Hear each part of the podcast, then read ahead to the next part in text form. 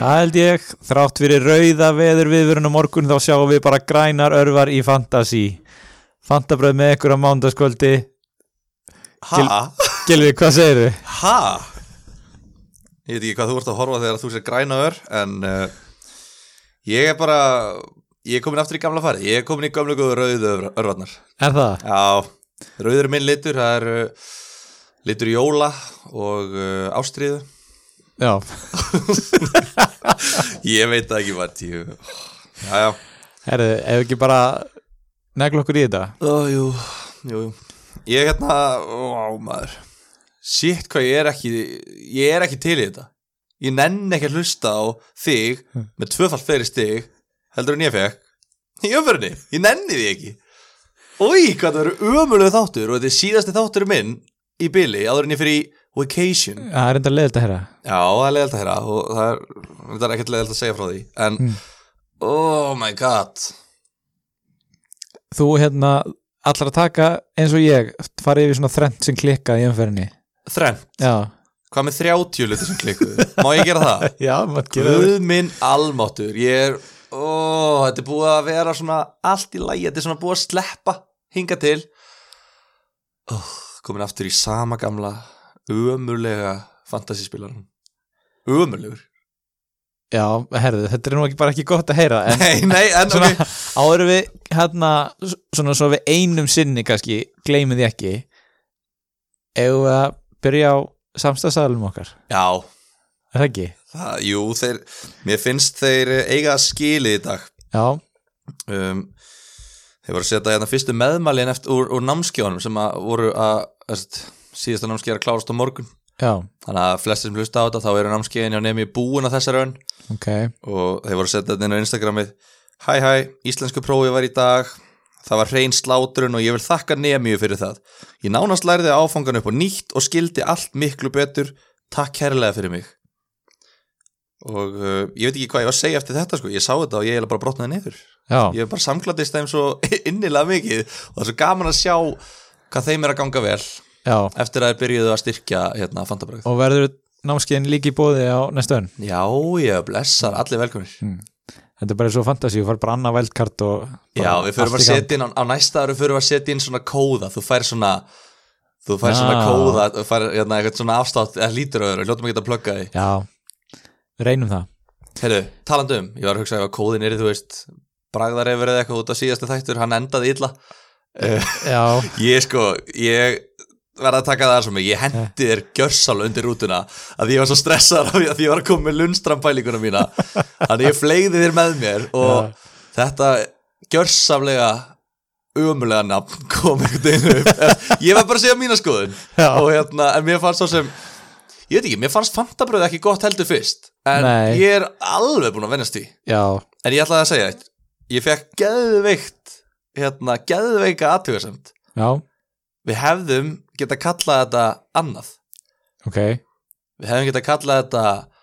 exotic mm. eða orange eða lime Ok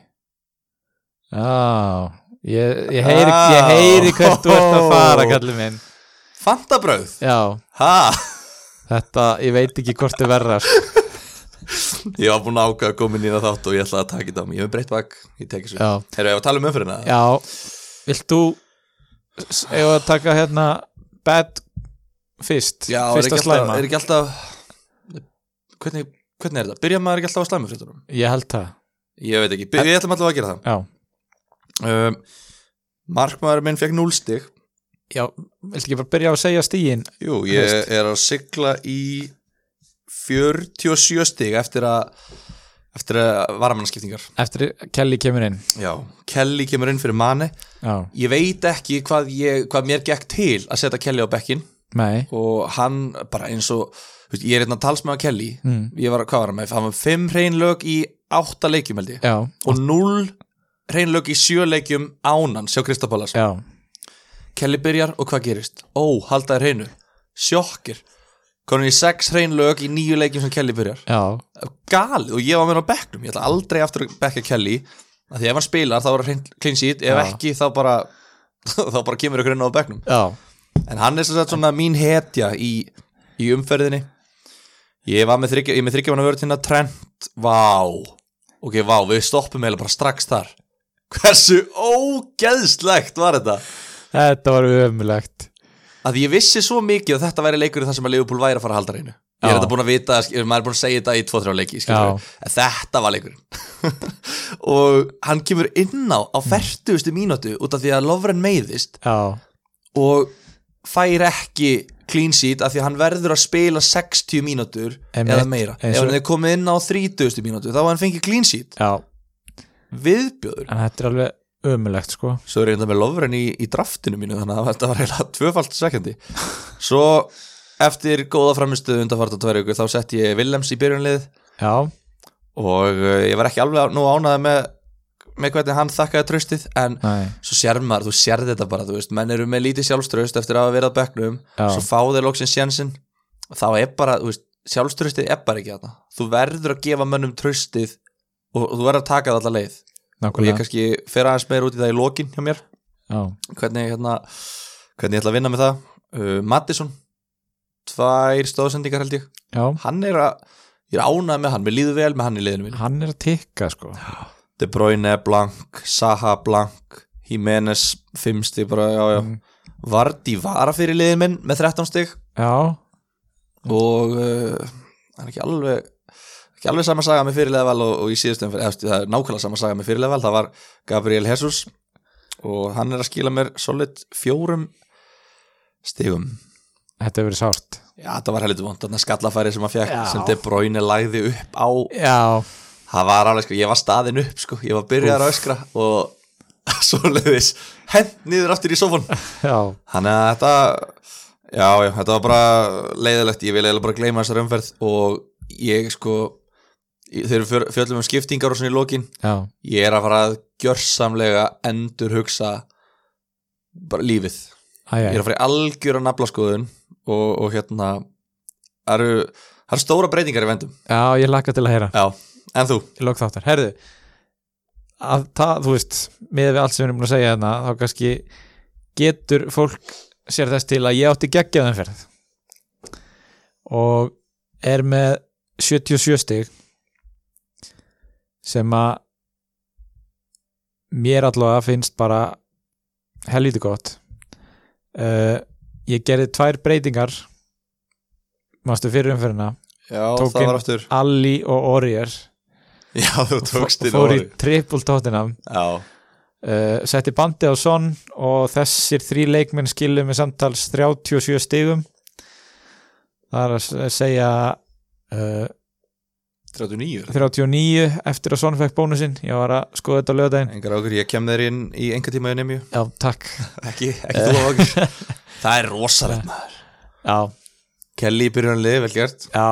hann fekk 8 uh, Orier með 6 hjælt hreinu, eitthvað sem ég hjælt að, hélt að myndi aldrei gerast Já, það var, það var óvænt Já uh,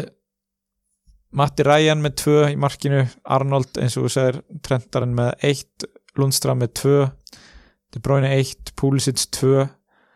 og restin voru með eiginlega hellingastegum Rashford með níu Vorti með 13, Alli með níu og Son með 24 sem kaftin já. og sko svo fyrir utan það, það var svona, þetta var eiginlega fullkomin umferð hjá mér nema það að ég var með tíu stiga mannin, mannin Martial á bekknum, já, þriðja á bekk þriðja bekk þannig Hann er að hvergi ég vissi nálægt að því hann að var koma inn. aldrei að fara að koma inn á Nei, hvað hérna uh, þú veist, að því ofta maður er með svona meita leikmenn já, að þá lætur maður þá samt byrja til öryggis, svona gó- þú veist, dýrari leikmennina já ef Lætur þeir að bí- skildu byrja já, síðan. að því að þú veist, ef þeir byrja ekki þá að þetta eru dýri leikmennir já, þú ert ekki að fórna þeim mikið þú ert ekki að henda þeim inn nema þú þurfir þess já, eins og ég sá hann bara, þú veist, manni, kvildur þá er hann bara alveg kvildur mhm, þú veist, uh, Sala í síðasta leik um leið og þeir komist yfir hérna á móti eh, hvernig var það, það það var eitthvað leikvörð um daginn þar sem Sala var kvildur, já, þeir ætlu já, á móti, að ég menna ekki, fyrir mínu skoraði þarna og þá hættu við bara við að setja Sala inn á af því það var bara, þeir voru komnir yfir, þurfti ekki að setja hann inn á nákvæmlega þannig að það var ekkert eitthvað svona, þú veist ekki að pæli að setja lönnstram, kvíla lönnstram og láta Marcel byrja eða jú, þetta er náttúrulega kannski pínu galið í ljósið þess að ég er með, f- að spila fjórum varnamunum sko já, uh, en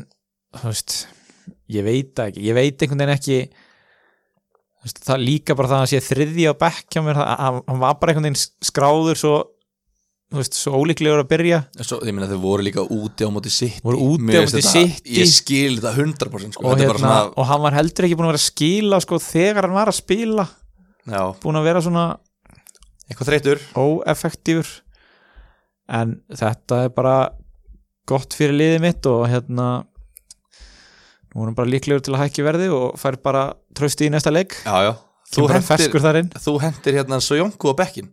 Herru, já, Það reyndist að vera solid ákvörðin ég hendi ekki náttúrulega ekki bara svo Jónku heldur smækka líka sko Já, alveg rétt þannig að ég var að treysta á algjör eðlis ávísum þarna Já. eins og þú sagðir þú veist, ég er ekkert að byggja um þetta, þetta kemur bara til mín Já, já, skilur, já, þetta er bara satt, satt Þetta er bara, og hérna, þannig ég var ekkert eðlilega sáttur þegar ég sá að Aston Villa hafi skorað Hvernig leiðir þeirra svo jónku skallaði í andlitið á Tom Heaton?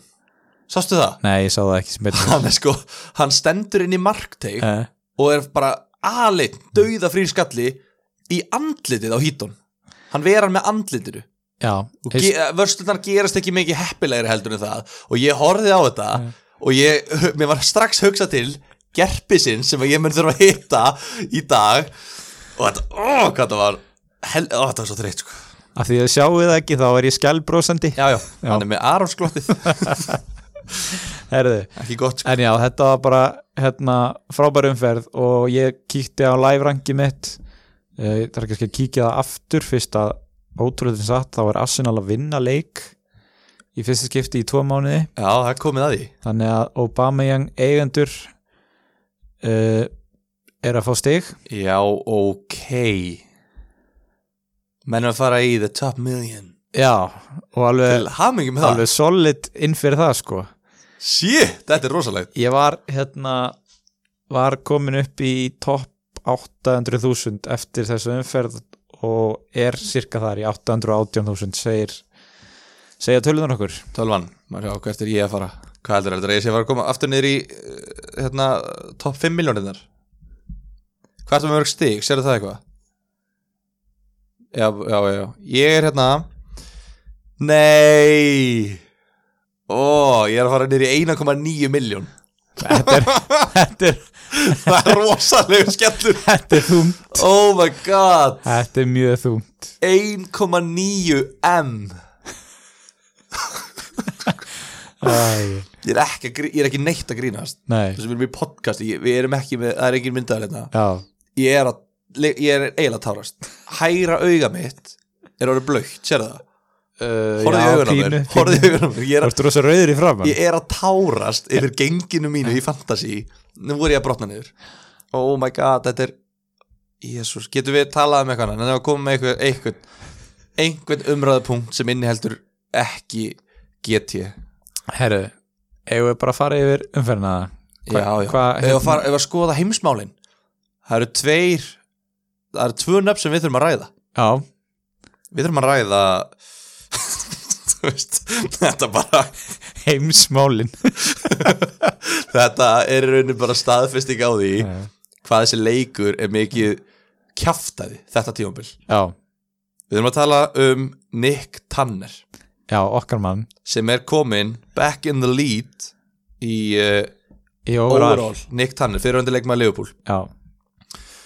Hann er með Kane sem fyrirliða já, Son, Dele Alli Vardy og Mattisson og Rashford hann er með Kelly, hann er með 97 stig í umferðinni og tók bara mínus fjóra venjulega er henni svona mínus tólf já, já. ógeðslegt og hann er að vinna þetta Já. og sam, svo erum við með uh, Mar, uh, Magnús Carlsen skákmeistarinn já, bara besti skákmaður mögulega frá upphafi Já, í sjötta sæti í heiminum Sala sem, ó, Sala sem fyrirlega Son, Dele Alli, Vardy hann er þetta líka með Kelly á Beck og, og Kelly, fær hann Mm. inn færa Kelly inn þannig að ég, og- ég og Magnús Karlsson erum svona á, á svipur ekki í þessu öllu saman en, en hérna þetta er nú nefn sem að við Hvað heitir eftir liðið hans Magnúsar? Það heitir eitthvað svona norskasta nafn sem ég hef heilt Kjell Angedal Kjell Angedal, já já, já, já, já. Þetta, er, þetta er rosalegt sko. þannig að þetta eru okkar menn við vitum ekki alveg hvar Patrik var náttúrulega Nei, eigum við að koma upp þetta á það setni í þættinu með það já, eða bara setna í á á árinu, Já. eða næsta ári held að, ég held að sakni engin og hann annars tóð sér en kannski fínt að sjá hvort hann sé ennþá með sjálfa sér sem fyr- varafyrirlega Já, það er mjög áhugavert hann er alltaf meittur það er, það er svo þær að er eins og það er uh, umferðin byrjaði á ef- er ekki hægt að segja óvand úslit Evertón vinnur Chelsea 3-1 er hægt að segja að þetta sé eitthvað þú veist, var einhver hakað í gólf þarna eftir að fyrsta var komin nýr þjálfari og fyrsta nýja þjálfari var Dunga Ferguson já, sko ég var ekkert sjúklega hissa á þessu ekki heldur uh, þetta var ekki, þetta sagði sig sá ekki sjálf reyndar ekki leikin sko en, Nei, en hérna Calvert Lúin skóla tvennu veist. já, ég he- var að hlusta á yngast í gær og, og hjá var að tala um að það hefur ekki nokkur bara frá upphafi mannkinsögunar valið Calvert Lúin í fantasiliðið sitt hann er með 1% maður var nú með hann í fyrra þetta ekki þegar Ah. Ég- hann, var, hann var ódýr já, ég 5 hef, miljónir eða eitthvað hef alveg einhvern tímann verið með hann svona þegar hann þegar að góðu fremmerðin í Evertónu verið stundum meittir já, þá kom hann inn í liðið og kostaði ekki neitt sko ekki það að mörkin hans voru ógeðsleg þetta voru skreppi goals þau gerðu mig sem sóknar mann svo stoltan þetta var bara, þetta var ógeðslegt sparkað í hann þetta einu sinni, Já. se- þriðja markið og bara,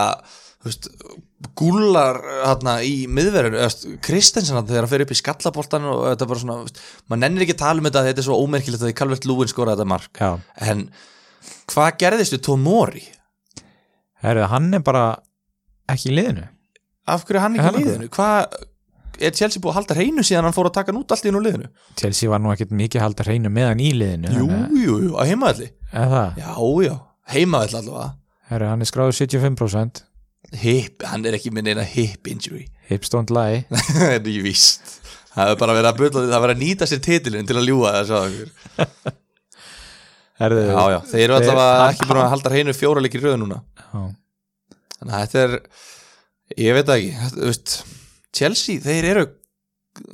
þeir eru kaldir myndum maður ekki segja það ég myndi segja það sko það er eins og svona- þeir voru skemmtilegir Mhm. fyrstu tíu, tólf umferðinar já, svo meiðist Tammy er, er þetta bindið þetta við það þá tapaði fyrir Vestham og þeir eru ég held að sé alveg einhver tengingum á milli sko já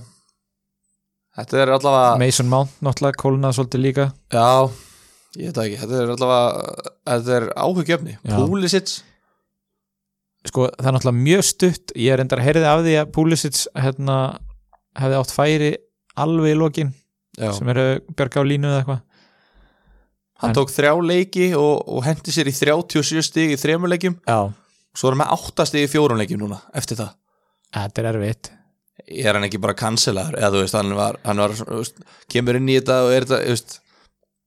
er heitur já, og nú er hann ískaldur sko þeir eiga Bormóð heima í næsta leik já, ég, já, ok já. Jæja, nei sko þá er þessu lokið í dag það sem ég er að hugsa bara er að það er svo stutt síðan ég var með þrjá fram á við í Chelsea þú veist, ég Já. var með Tammy, Mount og Pulisic Já, já, og ég fyrst og fremst er ég bara fegin að vera þú veist, komin bara nýri í Já. einn Pulisic, já, þannig að hérna þó ég sé reyndar alveg hrettur við að Tammy muni halda áfram að skila sko mm uh, en eh, ég er allavega, ég er ekkert að flýta mér að selja Pulisic sko nei og, og það er ekki það að það sé einhver starri vandamál í liðinu mínum, ég bara hef alveg trú á honum sko finnst hann alveg hafa sínt að hann er hættulegur þegar hann, Já, ég myndi, ég myndi Spilar. alveg gefa honum leikina mótið Bormóð Já. en svona svo er farað, fer aftur að þjætta svo koma jól, kemur já, já, jólaprogrammið og rotation og allt þetta sko. þannig að ég ég veit það ekki en já, næstu anstæðingar þeirra eru Bormóð já sko Bormoth Tottenham sem er nú búin að halda einu sinni hreinu síðan Mourinho tók við annars fáður á þessu minnst tvö mörg Já, uh, Southampton heimavelli fýtleikur og svo Arsenal útivelli sem að það skora nú yfirleitt allir á þá þannig að já, já, ég ætla að halda honum já, já. næstu fjóra leiki Þetta draf svo mikið, ég ætla að koma með svona þegar maður er orðinn, sko, svona professional í, í hérna fjölmilum já, Ég ætlaði svona að tengi þetta út í það næsti leikur þeirra á móti Bormóð og, og talandi um Bormóð já, þá voru þeir ömulegur á móti Liverpool ég ætlaði Já. að fara svona inn í Já. næsta leik þannig Já. það hefði verið flott að Gerum þetta var það. svona, þetta var svona fyrsta svona hugsaða setning sem að ég ætlaði að fara að mynda í- síðan ég byrja að taka upp þetta podcast en hérna já, talandi um Bormáð já, djöfull voru þið liðir á móti Liverpool já,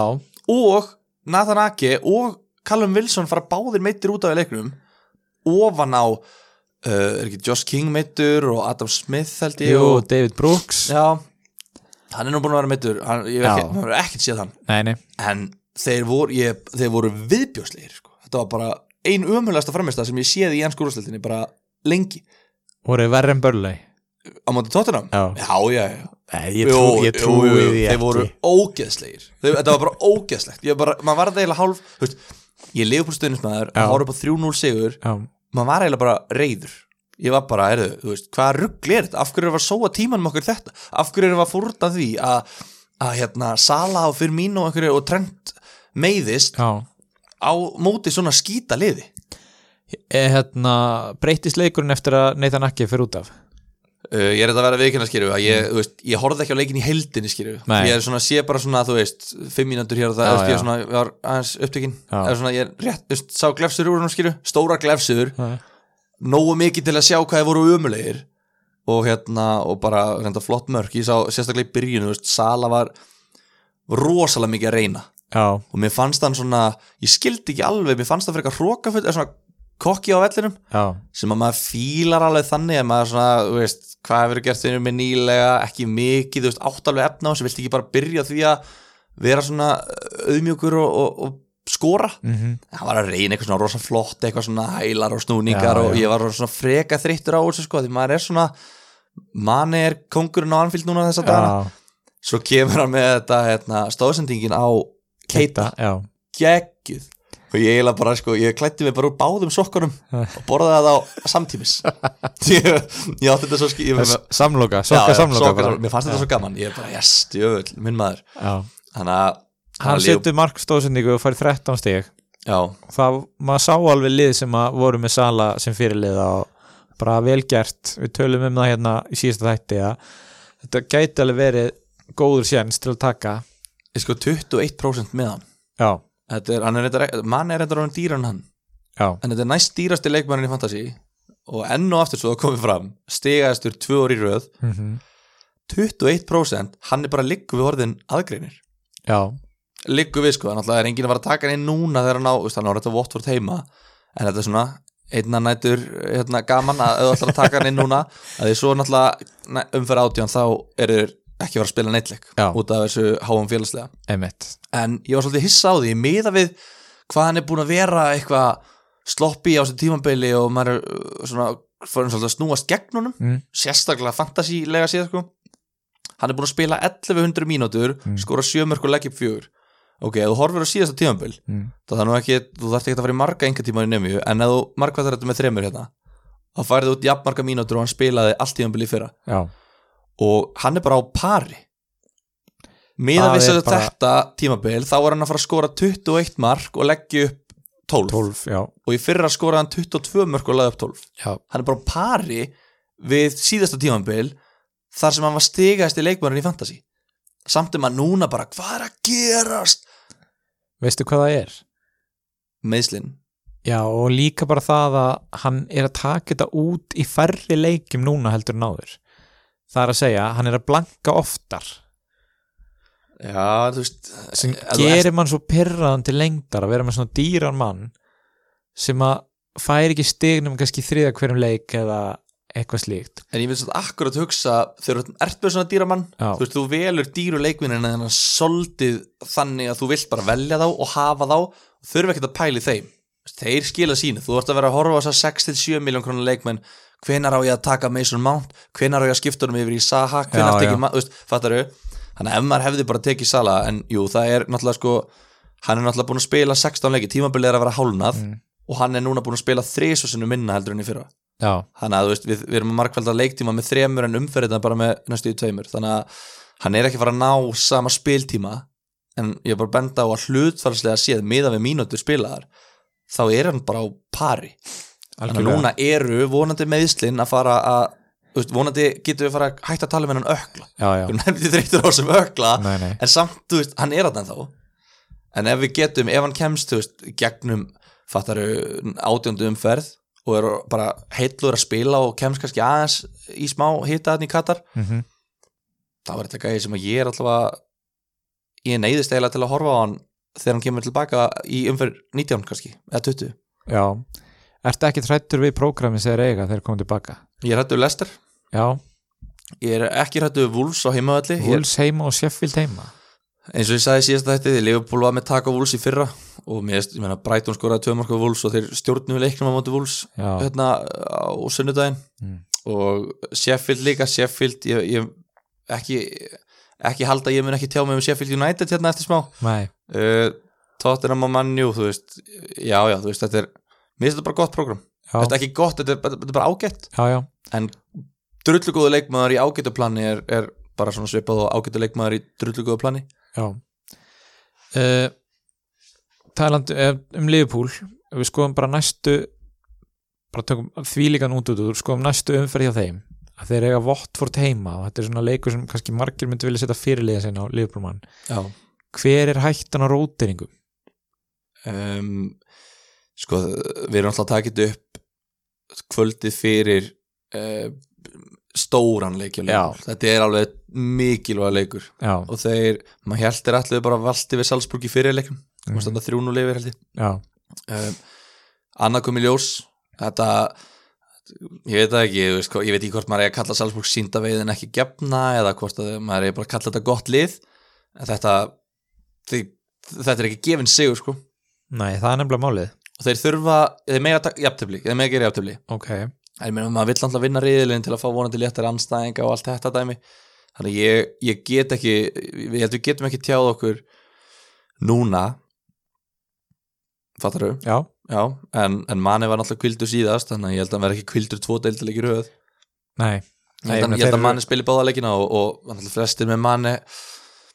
Sala, já ég veit það ekki svo náttúrulega eru þeir að fara bara í, til Katar í eitthvað skítamót sem öllum er samum sko. það er ekkert annað merkilegu leikur fyrir en annan í jólum hjá Liverpool eftir vottvotleikin þannig ég myndi bara ég gútir alveg manna, manni og, og Sala sem fyrirlega Ok, þar hafið það, get ég leggur blessun sína á þetta já, já, já. Herri uh, Þá er það allavega fyrir mig fantasy- fa- fantasy leikur umferðarnar Tóttina vinnum Burnley 5-0 á heimaðalli já, já. þetta varst að horfa á leikin Sko, ég sá eins og þú segir, glefsur og Já. svo horfði ég á svona fyrrihálingin með öðru auganu eftir á og Burnley voru ekkert eðlilega lélegir ertu búin að horfa á hann að leik oft ef ég væri með þessa leikmenn sem þú varst með eh, eða Kane skilur sem er kannski svona fjórðugæðin í þessu batteri Já. sem að ég væri búin að horfa á hann að leik svona sexinum bara í, í fullri lengt bara, þú veist, bara að njóta sko. þetta er bara, Ég sko, síðan var það líka eiginlega vandamála því að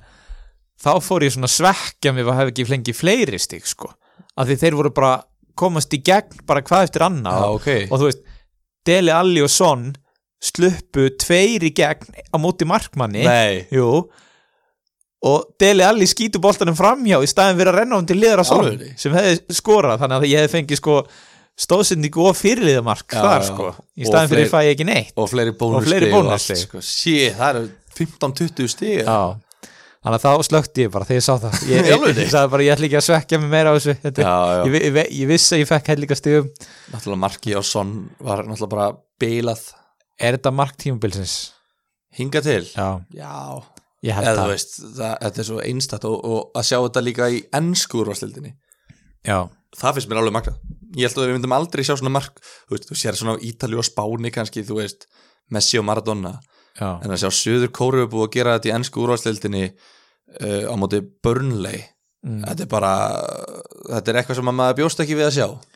Mér finnst þetta er líka ástæðan fyrir því að þetta er besta sjónvarp í heimi Vá, erum við í samstarfið eða? er það ekki? Ef vonandi Við, við hvern? Guma? Guma Ben? Guðmundur Benedírsson er eh, nýr styrtaraðali þáttarins Barinn já, já, já, allt sem Gumi Ben kemur nálaðt með Herðu, en hérna Ok, er Kane vaknaður? mm, ég veist hann er, já, já, er það ekki? Má ég svara þessar spurningu sjálfur? já, Ég, sko Þú tókst hann samt ekki inn Nei, ég keipta hann ekki, ég náttúrulega átti eiginlega ekki pening fyrir því Þú veist, það var svona eiginlega útgangspunkturinn í þessu og ég tók ég ætla ekki að segja, ég hef tekið orðið í staðin ég er nú náttúrulega komið með þrjá tóttina menn og mér líður vel með á alla þannig að Já, Kane er ekkert á leiðin í liðið mitt uh, ég er ekki viss um að ég taki þess, þessu sem einhverju merki um svaka endurkomi á Kane mér fannst börnleik það léleir að flestir hefðu skorað slatta mörgum hana hann er með hvað, þrjú mörg í fjórum deildaleikjum síðan að Mourinho tók við uh, já, er það ekki þrjú mörg í fjórum og fimm, Já. fimm mörg í fimm leikjum ef við tökum Olympiakos með já, hann, og, ég meina, hann, er- hann, hann er líka, hann er með nýju mörg í deildinni Þú veist, hann er, þetta er mér hafðist, hann er bara búin að vera svo lélur Já. við erum ekki búin að tala um hann nei, Leik, eða, þú veist, einmitt. nemi, nemi djóki, þú alltaf ert búin að djóka með, djóka með Kane einu sinni í hverju þætti alltaf, hvað með Kane en hérna þú veist, prógramið er allt í lægi og, og ég myndi gefa honum hann er kannski skrítið að segja þetta en ég myndi sennilega gefa honum næstu tvo leiki til að svona sjá 100% hvort að hann sé í standi eða ekki já, Wolves og Chelsea já hérna, en er ekki, voru ekki, bæ- ég er ekki, ég er ekki búin að segja mörkin einu sinni nema sonnmarki, sko, voru ekki Já. bæði mörkinast fyrir utan teig, las ég það ekki uh, jú það voru fyrra marki sérstaklega var að lungu færi já, þú Eh, veist, og eitthvað svona hittmarki var líka algjör negla eitthvað upp í þagnandi já, sko. þú, veist, þú, þú vilt ekki að sóknumarðin sé að skora svona mörg það er skrítið að segja það nei, ég er að tala um, nei, þú veist, ef þú horfir átt frá fantasy já, já. sjónarhóttni, hvar viltu hafa sóknamannið, 10,9 miljón krónar sóknamanniðin, inn í markteg þú vilt hafa hann bara þú veist, þess vegna er Aguero svona mikill draumur fyrir fantasyspila, og vorti já, og vartí þeir eru alltaf bara, þeir eru alltaf beint fyrir fram markið og, þú veist ég veit ekki, ég verð fyrir áhyggjum þegar ég sé, ok, hann er skorað tvö mörk í leiknum, flott, en þau eru bæði fyrir utan teig já, hvað er Kane að fara að pinga mörgum mörgum fyrir utan teig á, á tímabilinu, þú veist, ég veit það ekki, ekki mörgum en hvað er Aguero að fara að pota mörgum inn eða Jimmy Vardy bara eitt á móti markmanni, já, mörgum, fattar við þannig að þess vegna er ég svona minnst það svona pínu fráhrindandi ég heyrði ágætis pælingu í dag að, að þú veist, ekki, það er alveg pínu þreytt að vera yfirfæra þess að liðupúlsóknar línu öll lið en að Kane væri orðin svona eins og fyrir mínu fyrir já, sitt lið og meðan sko Ali og Son er eins og Sala og Mane já, er var Lukas Múra ekki Lukas Múra spilaði og skoraði náttúrulega já, en sko við erum að tala um bara svona ef við tölum bara um sko fjölda marka og stóðsynninga og svona já, já, já, já. en sko er, erum við þá að tala um eh, eh, Kane alltaf er búin að skora örgulega helmingi fleiri mörgum fyrir mínu En já, þeir eru að já. tala um sko, ég meina ef Kane var að droppa svona mikið, þú veist, er, er Dele Alli, er þeir bara tveir í hólunni, eða, þú veist, og engi, er, er Dele Alli að skjótast á upp, ef fram í staðin fyrir Kane, ég hef ekki séð nóg Þú mikið að veist, þetta tóttina. er svolítið þannig sko Já, og hérna eins og ég segi, ef ég þyrft að taka ákvörun núna þá myndi ég segja að gefa honum næst tvo leiki ok, þá erum við aðra spurningu, af því ég, þú ert tóttina maðurinn okkar hérna. mm. Nú er ég rosalega mikið að pæla í tóttinum, ég er ekki með neitt nú tóttinum. já, Mér, mér finnst mig bráðvanda einhvern veginn tóttinam en samt eiga þær Wolves á útivelli og Chelsea á heimavelli í næstu tveimur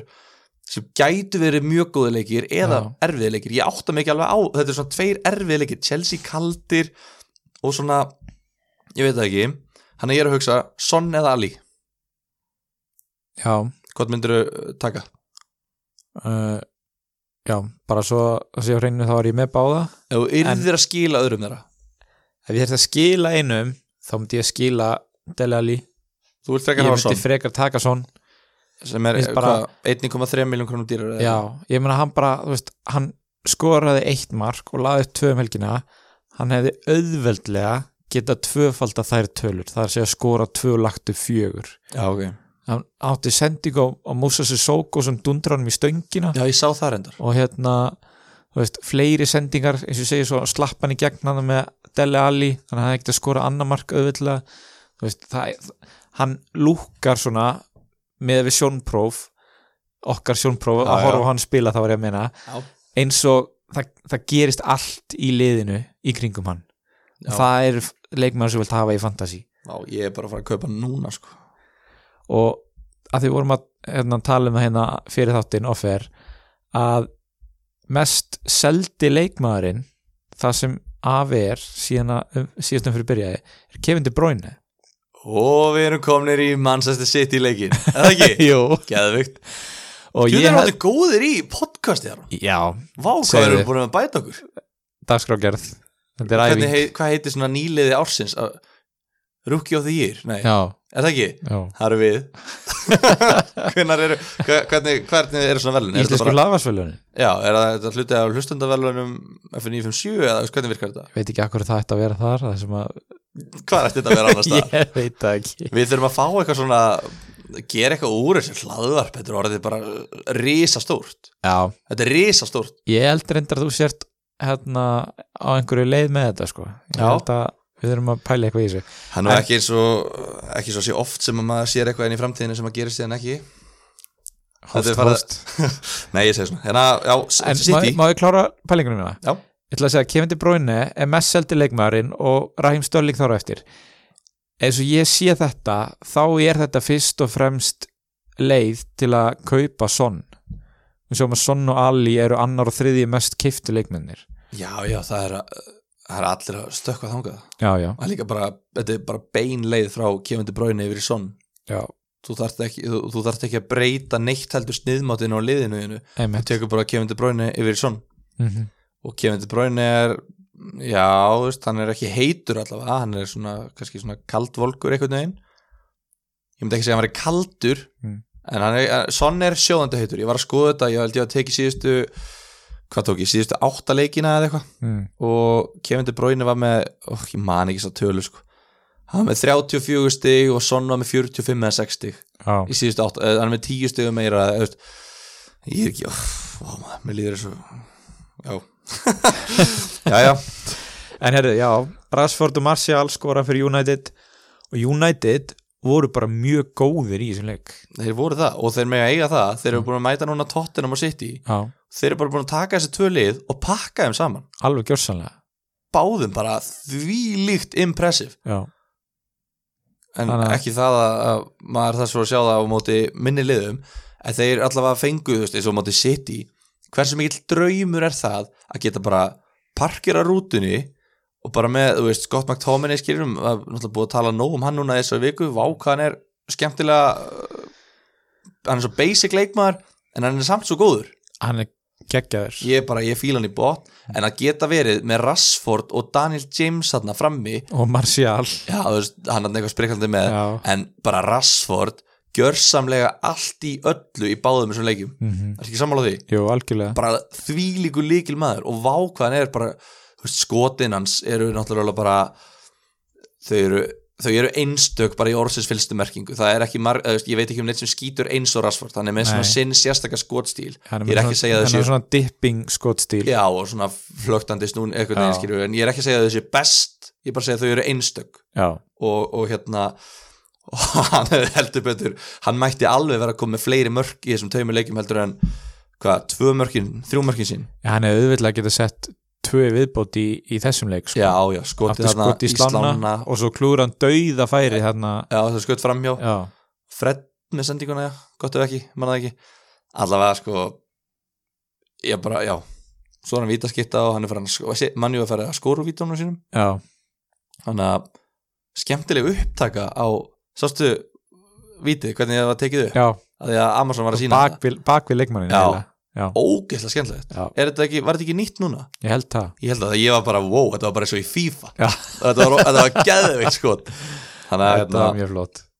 en, en já þú veist, Rashford og Martial skora, þetta er náttúrulega einu tveir sem að þarf að ræða, Já, er Rashford, hann er með 22% eignarhald eins og er, já er hann orðin nöðsynlegur Sko, ég myndi segja að þetta sé annar hvað segja, mikilvægasti sóknumarinn og eftir Jimmy Vorti annar heitasti sóknumarinn hann er með 5 mörg og 2 assist í síðustu 5 leikjum Já, já, þú veist og er, 8 að, bónustig í þessum 5 leikjum er en, þeir eru reyndar eiga Big Dunk og hans menn í Everton næst Já. það er svona, það er ekki alveg skefins leikur eins og maður átti kannski von á fyrir svona þreim viku síðan nei, en þeir eiga að, sko Everton, Watford, Newcastle og Burnley í næstu fjórum, þetta bara gæti eiginlega ekki verið betra sko Já, þú mátt alveg halda áfram í Arsenal og Norvits þú þarft ekki að Já, stoppa þar já, já, Arsenal Norvits ég er bara ég, ég var að horfa á litina en ekki liðin já, sko já, já. já, Arsenal, ég, þeir eru ennþá skráði rauðir þetta er, þetta, er, þetta er svo villandi já, maður tekur svo mikið marka á þessu en já, svo einhvern veginn svona, þú veist ég á frekar erfitt með að rýna í United Mm. þeir eru búin að vera mjög góður núna tvoleikiröð, bara þvílitt gýraðir en bara sagan þeirra síðustu 2-3 árin að þeir hafa ekkert verið, að- þeir hafa ekkert verið að vinna sitt í á útivelli 2-1 síðustu árin ekki mikið en, en bara svona það kæmi mér ekkert á óvart ef þau myndu komið þennan leik og bara orðnir of hrókafullur eitthvað eins og halda að þeir séu betri en þeir eru þeir verða átt að segja þeir eru ekki betri en þeir eru þú veist, þeir, þeir eru ekki topp fjögur gæði finnst mér, nei, nei, en þeir geta alveg spila vel þeir, Þeir- þeir, já, þeir eru með svona einstakar styrkli þeir eru með svo mikið hraða í Rashford og James og þeir, svona, þeir gætu full nýtt þetta svo mikið en þetta, þessi leikmenn er ekki með einhver rosaleg gæði með að við önnur liði í deildinni finnst mér nei, liðinu gengur náttúrulega illa að stjórna leikjum, Já, En og líður þeir, best eins og að móti sitt þeir geta eiginlega svolítið leift hinu liðinu að vera um boltan sko. nákvæmlega, og, og gátt alveg Mm. aðjú, tóttin var þetta fín skil við erum fínum á mútið Liverpool líka en já, eins og þú segir, svo mæta þeir Everton, Watford og Newcastle og Burnley og ég, ég veit ekki, ég er einhvern veginn ég er, maður er ennþá hættu við þessa leiki já, ég ætlaði að fæða svoleiðis að fara að stökkva á Rashford bara lögadagsnótt eða sunnundagsnóttina já, og hérna ég er ekki ennþá búin að taka stökkið nei ok, ég ætla að stilli upp Rásford og Martial í næsta leik Já. og líka bara gott fyrir þá sem að, óhika, sem að tók hann sko, þau vorum að tala um í síðasta leik myndum að taka Rashford inn já, þegar þeir eiga sitt í já að að hann var búin að vera svo heitur og svo skilaði hann maður Jesus og ég með Gabriel Hessu svona sem fyrirlega og kemur til bráinu Úff. er Kevin De Bruyne, nú er ég búin að vera að tala mikið um að Kevin De Bruyne sé bara alveg læstur í öllum liðum bara ómissindi leikmaður nummer eitt Já, já, er hann það? sko Í 40 bróst liða? ég var eitthvað þú veist, maður pælir endalust í þessu hann er ekki búin að fá stig í síðustu tveimur leikjum nefnum bara fyrir að spila tíma en ég meina þar á undan er hann með 7 og 10 Mm þú veist, og svo klikkar hann í, í s- fi- síðustu tveimur þar á undan og er svo með 6 stig þú veist, ég veit það ekki Þú getur líka hann, a- gengi hans náttúrulega helst svolítið í, í hendur við bara gengið á City og það, þeir hafa bara verið að hyggsta Mér finnst það heldur, kannski meira City sem er að klikka heldur en De Bruyne per se sko Þú getur líka Þú- hort á þetta þannig sko í fyrstu sjö leikjunum er hann að koma að 11 mörgum já, en í síðustu nýju leikjum sem sagt umferð 8 til 16 er hann að koma að 3 já, hann ljómar ekki vel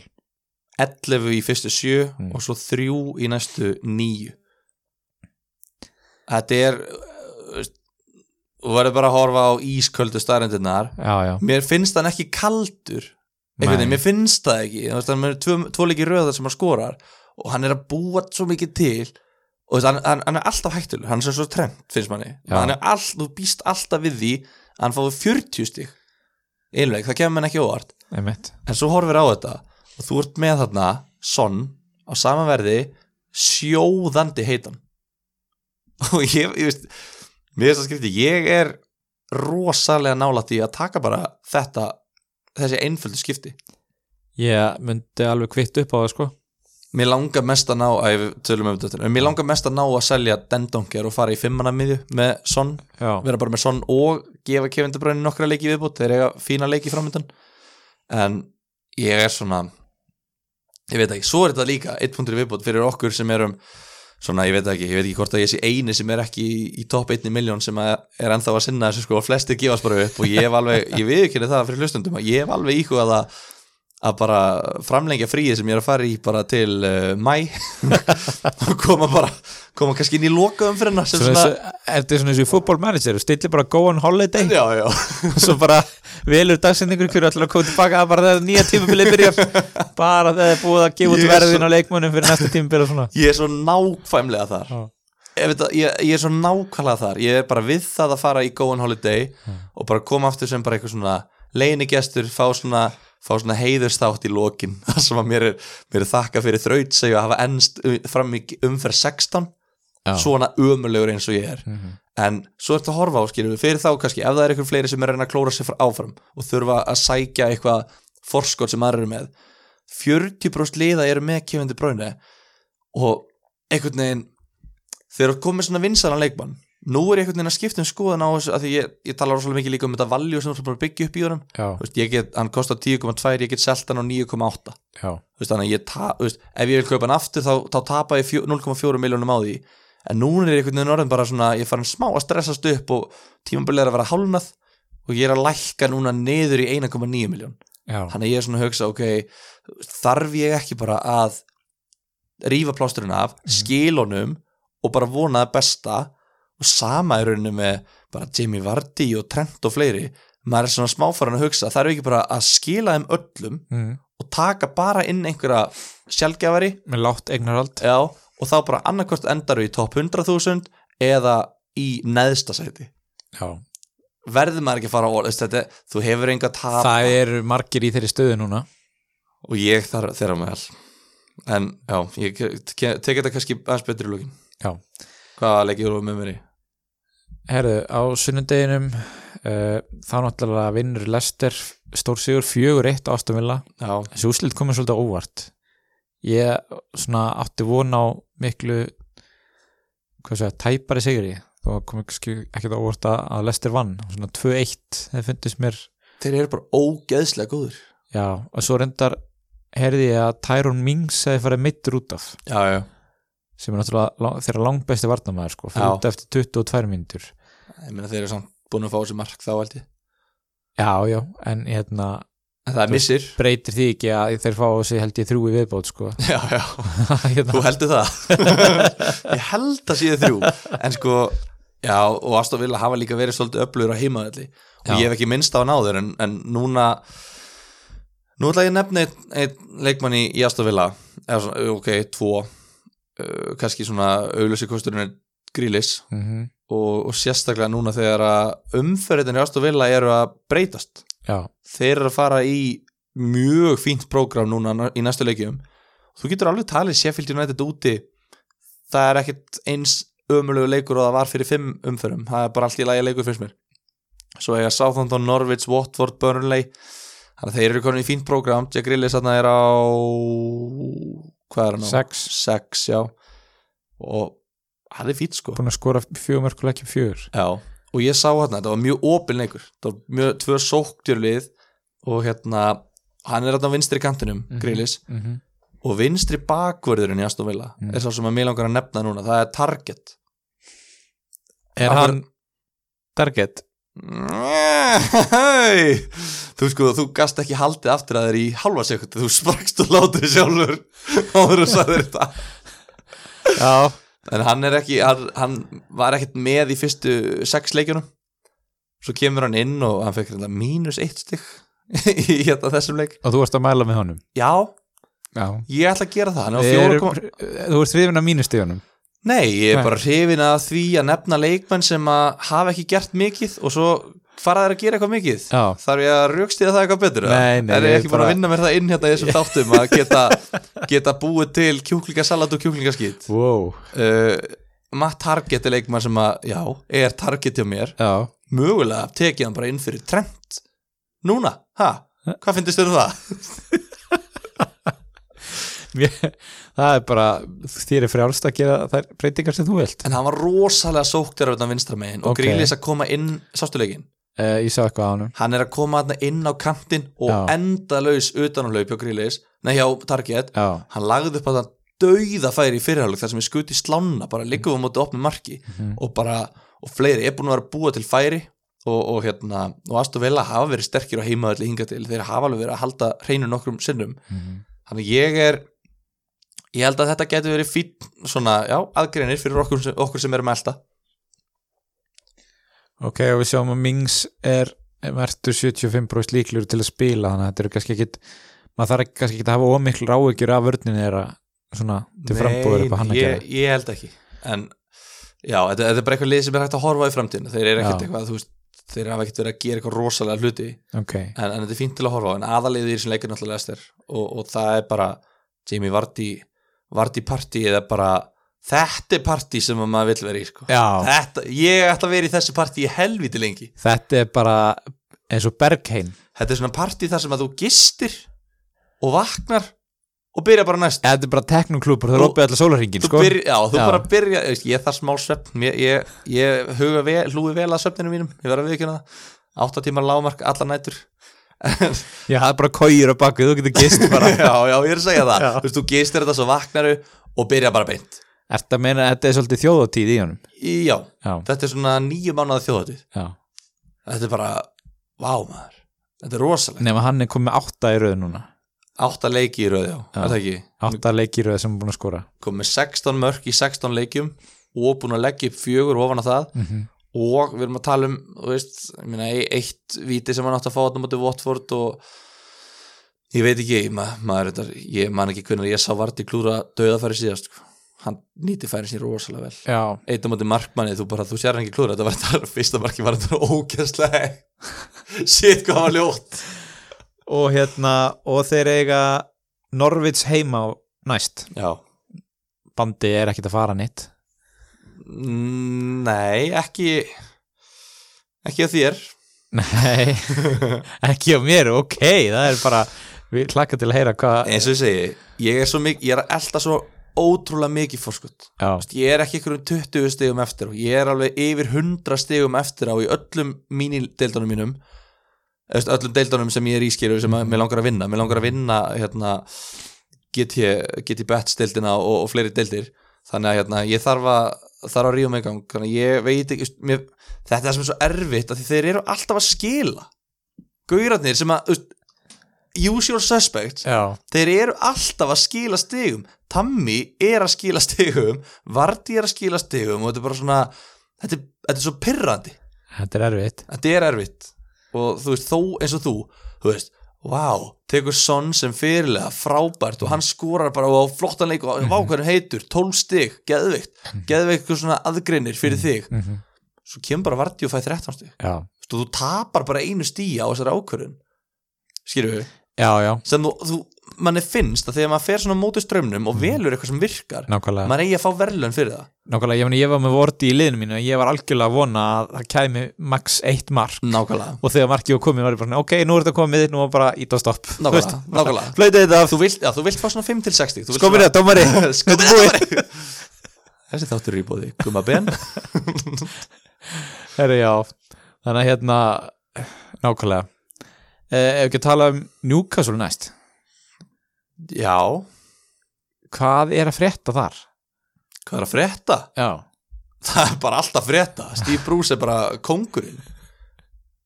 er, er, er, það eitthvað- er það fréttnæmt? nei, er þetta frétt, spyr hann Já, ég spila því því þetta gefur mér nákvæmlega ekki neitt á Herri, óvart Þeir eru í 11. seti spila viðbjóðslegan fótbolta Já, en eins og ára, þú, þú sagðir hérna um daginn, þetta var leiðilegast að liði í deildinni já, já, en alls ekki liðlegasta Nei, það er svolítið málið Já. Þess, þetta er bara að við séum að horfa upp á tvær Liverpool góðusagnir Andy Carroll og John John Shelby leika sér að þessari deild þetta eru svona þetta eru svona tveir gæjar sem eru bara fullkomu dæmi um það hvað þú getur þú veist, hvað, hvað þú getur tapað miklum potensial á að vera gjörsamlega farin í hausnum já, og þú neyðist bara til að spila fyrir Newcastle þegar þeir ættu þeir, æ- þeir, þeir áttu alveg að geta verið í Liverpool núna þeir gætu verið liðbúl, ég ætla ekki að segja að þeir ættu að vera einhverjir þeir áttu, nei, squad players þar sko nei, segja, þeir já, áttu að geta það þegar þeir voru yngri já, þú veist, fyrir 5-10 árum já, 18 ára selvi átti að geta orðið þar sem Henderson er í dag já, já, fattar en bara svo í, trilltir í hausnum alveg bara, þannig að þeir eru þarna í Newcastle en Newcastle, ég meina þeir eru með jafnmörgstig og Sheffield og Arsenal og Crystal Palace sko Ég ég var, Þrjú góð fantasy, eh, nei, Já. tvö góð fantasy lið og þú veist, stórlið, skilur við já, ég hérna var í fjölskyldubóðum helgina og þá var einmitt verið að segja við mig bara, ég hef ekki haft svona gaman að fylgjast með enska boltanum í mörg ár bara deildin er svo jöfn núna Mhm. og það, það var bara ótöldin satt og við séum hérna alltaf alla daga að tala um þetta ég hef það bara eiginlega ekki pælt í því að þú veist, það eru frá hvað, átjánda sæti og upp í fymta sæti þetta eru nýju stig Það er þetta rosalegt að Newcastle er tveimur stigum frá mannjú í fymta sæti. já, Þeir eru tveimur stigum frá, eða einu stíði frá Evrópasæti. og þú veist Newcastle. og þú veist, og þeir eru samt sko sjöstigum frá þú veist, átjóndasætinu þannig að Já, þú veist, þetta er bara pakki og það er bara hver einasti, hver einasti stig skipta bara máli í þessu já, já. og hérna, við erum Við tökum samt bara eitt leik í einu. Aron. já, já. Sko. hvað voðalega Svo teljum við bara í, upp á pókarum í lokin. er ykkur hérna, heimsbyggi get ég mættur hérna Nei, bara ég var ánægð með þessar klísjur, mér langaði bara að vera Já. með. ok, Hver sigur skiptir máli? hérna, Stutt á milli í þessu. ertu eitthvað myndur eitthvað pæli í því að taka inn einhverju njúkasumlein Fleiri heldur en Wilhelms. Eða þú veist, ég er náttúrulega með Wilhelms. ég, ætla, ég ætla ekki að fara að dobla upp á, á Newcastle en trippul, Já, það, já, ég ætla að trefna Selvi og Andy Carroll og Willems Það var það sem ég var að meina þú Ég ætla ekki- værir að fara að horfa á alla njúkasumleiki bara, Það er það sem ég er að meina Ég ætla ekki að vera það cheap að dobla bara já, Ég ætla að trefna Sjálfi er á hvað, 5 miljónir já Hann er búin að skora þrjáleik í röð það er víst, Er það ekki? það stendur hérna Pl- Sko, svart á hvítu eins og njúkasubúlingurinn svartakvítis Sko, fylgjustu þess með þessu Hann er búin að, ó, ég var að meta þetta hann Hann er, tala, tala hans, ég ætla að koma með eitt hérna ok, Eða syngdu? uh, Fantabröð hafa lengi pa- velt því Vá, fyrir sér ok, vá, Já. vá, vá, stopp með þetta Vá Hann er búin að skora á Eh, þessu tífambili þrátt fyrir að missa af 6 leikjum af 16 á já, tífambilinu já, Hann er bara búin að spila 10 leiki af 16 ok, Ok. já. Hann er búin að skora jafnmörg mörg og sonn á tífambilinu ha, Þeir eru báðir með 5 mörg á tífambilinu hvað þvæla er það Það er, mér finnst það galið bara, 5 mörg, og bara er laust pláss á sjálfurlestinni, segi ég nú bara 5 miljón krónar miðjumæður Ég, þetta, þú veist, ja, þú veist, ég veit að ég er, ég er að djóka sko Þú Já. veist, ég, ég, ég get ekki sagt eh, hérna með í fullum sannleika að mér finnist sjálfi vera eitthvað leikmaður sem maður ætti að vera að taka hmm. en, en tölur eru bara tölur og það er ljú ekki og talandi um að törðuna ljú ekki Danni Ings skorar fimmtalegin í röð já uh, í öðrum fréttum að heiminin er blár og sjórin er blöður er hann samt blöður? hvað hérna, þú veist hvað, ég veit það ekki bara, þoli ég, ekki ég þetta. segi bara hrós á, þú veist alla spilara sem að eru með Dannings ég þól ekki þennan leikmann. hrós á ykkur, bara fyrir að vera með hennan gæja, standa með honum, gefa honum trösti þú veist Og- viltu trullega koma meira yfir hann eða? nei, nei, ég, nei, ég ætla ekki að úst, ég er svona jákvæðar heitir skilur. ég Já. hata hann að því að hann er árang- árangri Já, þannig heitir eru bestu heitir veist, mér þykir ótrúlega væntum þegar að fólk hatar einhvern fyrir að ná árangur það er bara svona ég, veist, það, það er eiginlega versta típan af fólki success has enemies eins og ég segja nákvæmlega, nákvæmlega. en Danny Ings sem að, bæði, það, er, það eru bara 10,9% sem einan mm vá hvað það er búið að hækka hægt með við hvað hann er búin að vera á þessu rönni lengi hann er búin að skora 6 leiki í síðustu 7 hann kostar 6,3 miljónir og Vestham og Aston Villa næst já, já 6,3 miljónir mm -hmm. fyrir sóknamann sem er búin að skora nýju mörk í deildinni þetta er bara mér veist þetta, ég, ég næ ekki utanum þetta, Nei, ég skil ekki hvað er að gerast þarna og þú varst að tala um hann því að veist Sala svo pyrrandi að því að hann hann, hann kemur bara með sprengjur í öðrum hverjuleik eða þriða hverjuleik, já, mér finnst það betra mér finnst þetta boring as bara þú veist, F-orðið. þú veist F-orðið skilum við, þú veist hvað við erum að tala um þú veist mér, mér finnst þetta ekki, þetta er, þetta er ömulegt að horfa á þetta, hann er aldrei með fleiri en nýju stig og við erum búin að segja þetta núna í fimm leiki, en er það ekki bara frábært fyrir sóknum sem kostar 6? jú, ég er, jú Já. auðvitað er það frábært, Já. en, en það er bara svo leið, þetta er svo döll að horfa upp á 6 stig, 7 stig, 7 stig mér finnst þetta sama með Jimenez ég er bara þreyttur á að sjá 5 stig, 6 stig, 5 stig, 7 stig, 5 eitthvað og mér finnst bara svo magna því við erum búin að tala um þetta svo lengi bara já, Danny Ings hann skorar samt bara eitt mark í leik og þakkið hans er bara nýju stig talaðu þakkið alltaf og það er bara nýju stig áfram Mm. þú veist að hann, hann hefur engan áhuga á að gera neitt meira í vinnunni sinni en að skora eitt mark þetta er bara vinnan hans og þú far ekkert ekstra frá honum Nei, ekki nákvæmlega. neitt, þetta En- er bara svo ég á lagartum í mjölkusamsölunni hérna, þegar ég var 15 ára Þú veist, ég, bara, ég gerir bara nákvæmlega pantan þetta sem ég þarf að afgreða Já, og ekkert meira já. Er pönturinn hans bara eitt mark það er bara, eitt- já, ég meina, Já. þú veist, það er bara og þrjú í bónus? ég meina, þú, þú s- setur eitt mark færið 5 Já. miljónir í bónus og, Mm. þú veist, og það er bara það er bara eitt, eitt dinner fyrir fjöluna og, Mm. og það er bara málið gott Uh, þú varst að tala um hérna daginn hvort að Lundström væri cancelled. já, já, Hann fær ekki stig núna fyrir neitt annað en að spila. Uh, þeir vinna Norvids 2-1 og varnamenn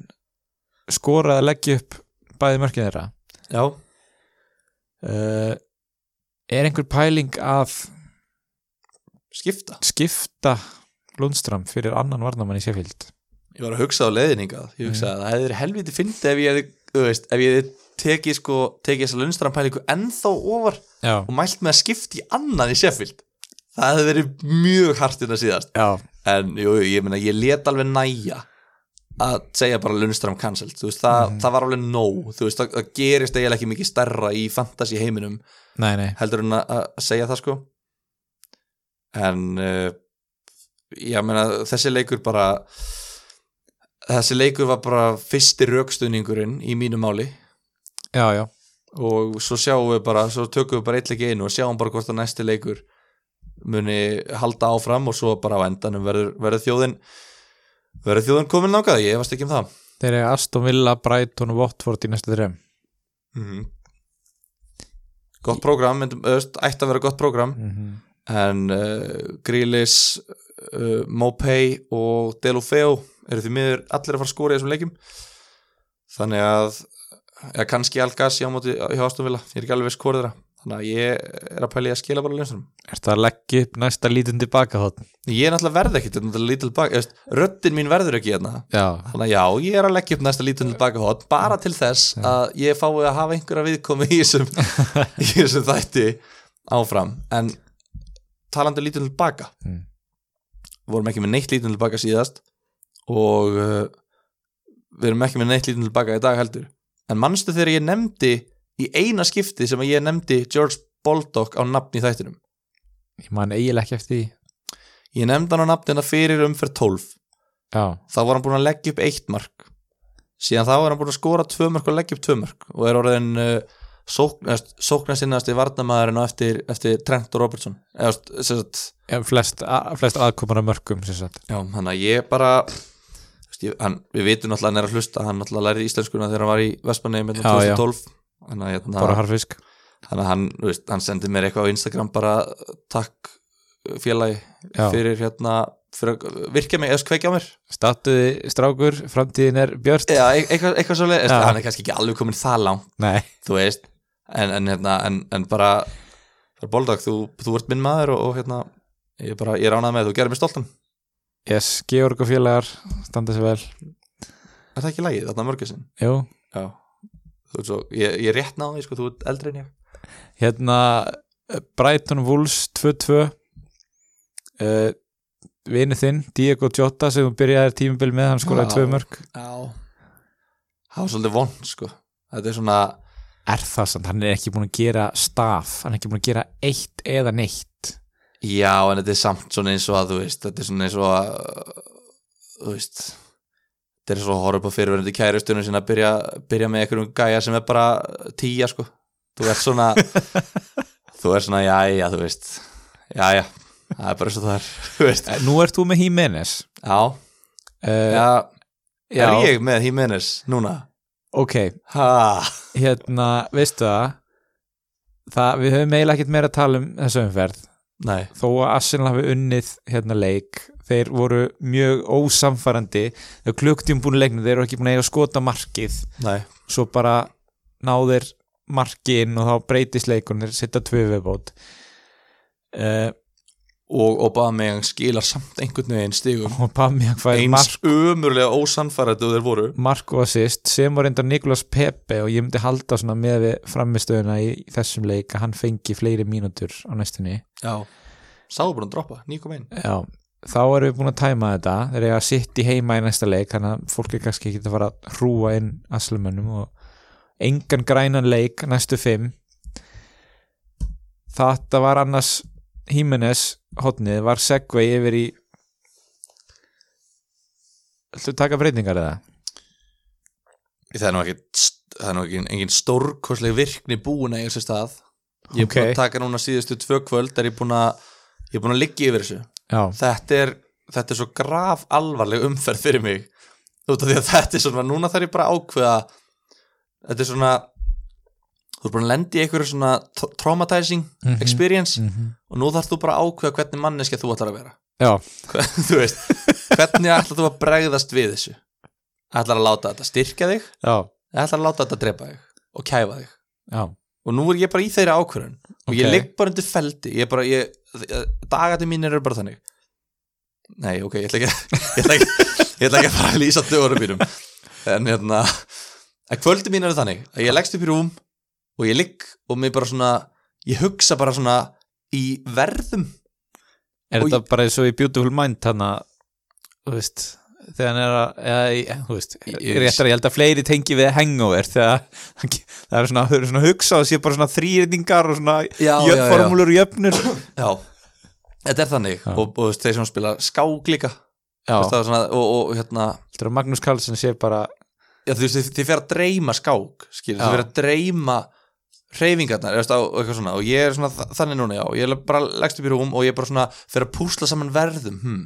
ef ég sel Gabriel Jesus og kaupir hérna, grín út þá get ég selt den donkir og, og, og, og tekið sonn, einhvern veginn, ég er bara að púsla endalaust og ég er bara núna að leggja drög að fjárfestingum fyrir næstum fyrir næstum fyrir þeirra reyndar sko hún er fáránlega sexy það er svo mikið af svona flottum liðum sem eiga heimaleg Liverpool, Votvort, mm -hmm, Leicester, Norwich mhm, uh, fleiri lið hvaða lið eru fleiri? Chelsea, Bournemouth já, uh, Crystal Palace, Brighton þetta er svona þú veist, og, og City eiga Arsenal sem að þeir ættu af allt yfir held þetta er ég nú að skora svona þrjú mörg pluss þar. maður myndi halda það sko Já, þannig að maður, þú veist,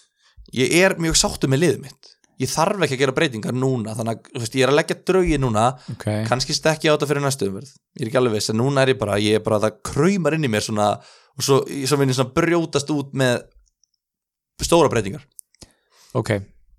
en svona svo ég komið með þvílíkt antiklæmaks hérna um þessar breytingar mm þá er þetta eina breytingin mín sem ég hef búin að gera er að ég seldi Jimenez fyrir uh, Tammy Abram þar hafið þið það. og hvað það var mikið build up fyrir eitthvað svona drast Hvernig manneska þú vilt vera? Já, en, þú veist, en það kemur meira það Já, kemur já. meira og, og, og hérna, mér finnst ég ekki þurfa að taka mínustig fyrir þessum fyrir, mér finnst synd að taka mínus fjögur eða áttastig þegar Mhm. mér líður vel með liðið mitt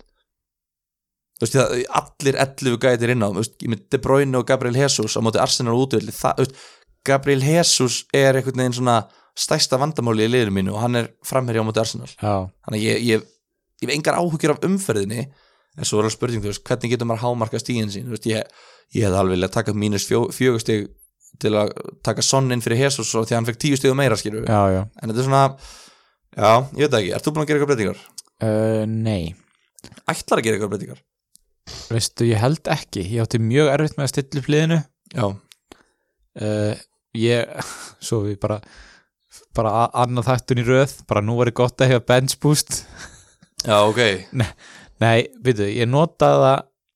í síðustu umferð ef við tölum um það í síðasta þætti ég hef notað bench boostið mitt, notar ekki þar sístu? ekki núna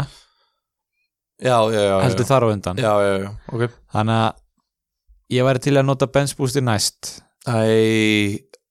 oh my god, ég er að sjá hver er að bækna mér Hvað er að þér? Hvað ert að gera? ég gat ekki stilt þessu upp öruvísi Jú, jú, Nei, jú, jú, nei, nei, jú. nei, viltu, nei, nei. viltu kynna liðið? þitt? Ég skal segja þér nákvæmlega hvað þú átt að gera við þetta lið og, sko, ok, Þú veist upp á því sökin, Aron herru ég ætla bara að segja hver eru inn á hjá mér Já, Smækkel, Orger, Trent og svo Jóngu uh, Martial, Pulisic, Son, De Bruyne og Alli fimmanna miða og frammi Rashford og Vorti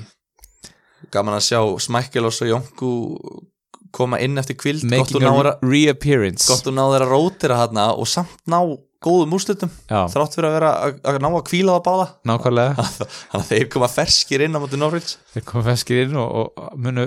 fara aftur í að halda hreinu bara eins og þeir kunna best já, ég veit nú ekki alveg með það en ekki, það ekki vann með þetta púki glöggir hlustendur koma sennilega auga á það eða eira að get ég er að benda á það að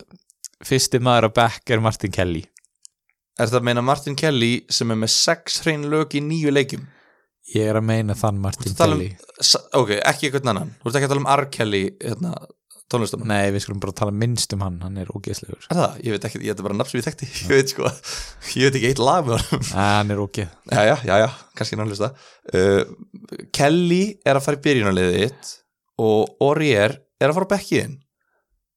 er, það- er það málið? þú ert að fara að gera það núna eða ég læti gera það þar hafið þið það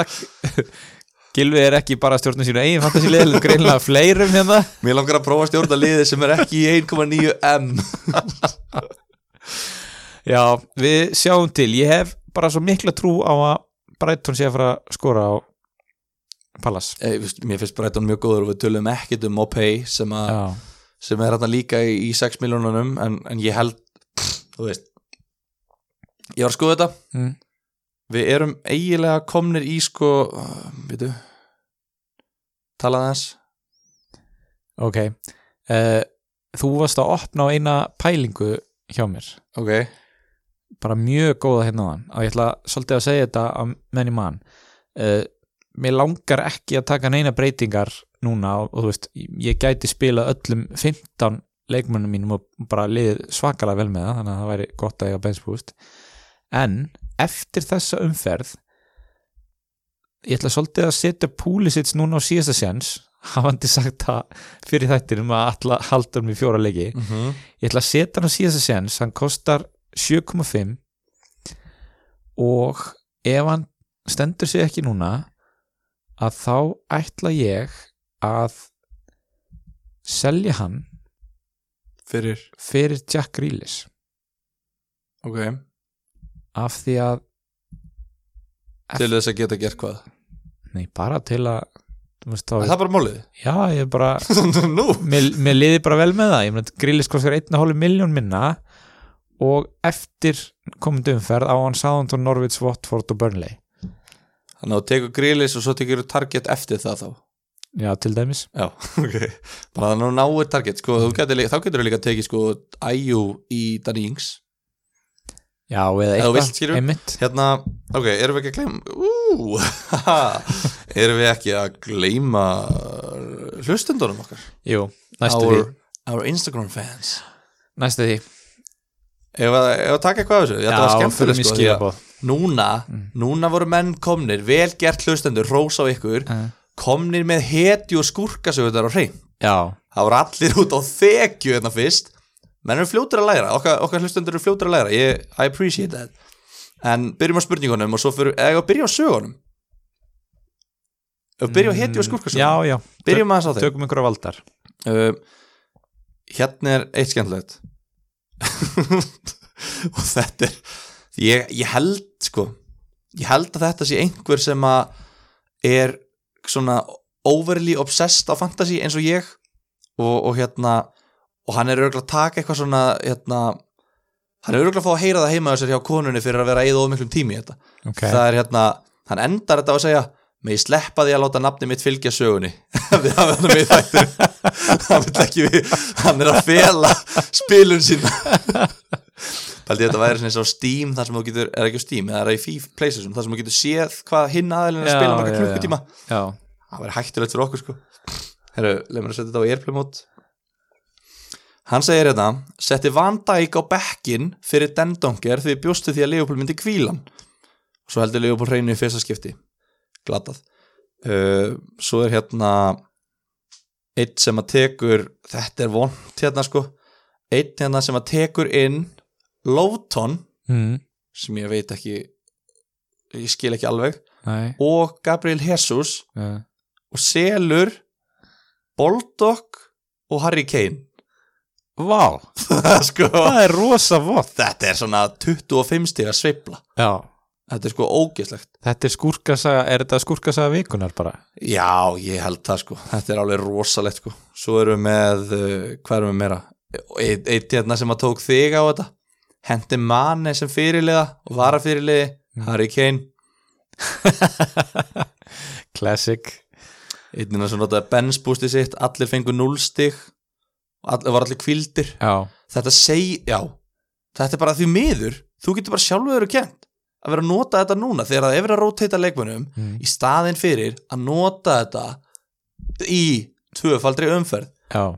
og bara man núna eftir einni spurningu sem við fengum, hvena kemur þessi tvöfaldri umferð þær eru nokkrar, þær eru tvær eða þrjár já Þú veist, það eru tvísar eða þrísar sem við fáum tvöfaldri Og umferð það mun ekkit fara fram hjá ykkur nei, nei, það mun ekki fara fram hjá ykkur Það er samt, byrjar ekkit fyrir en í umferð svona 30, 30, já, já, eitthvað svo 28-30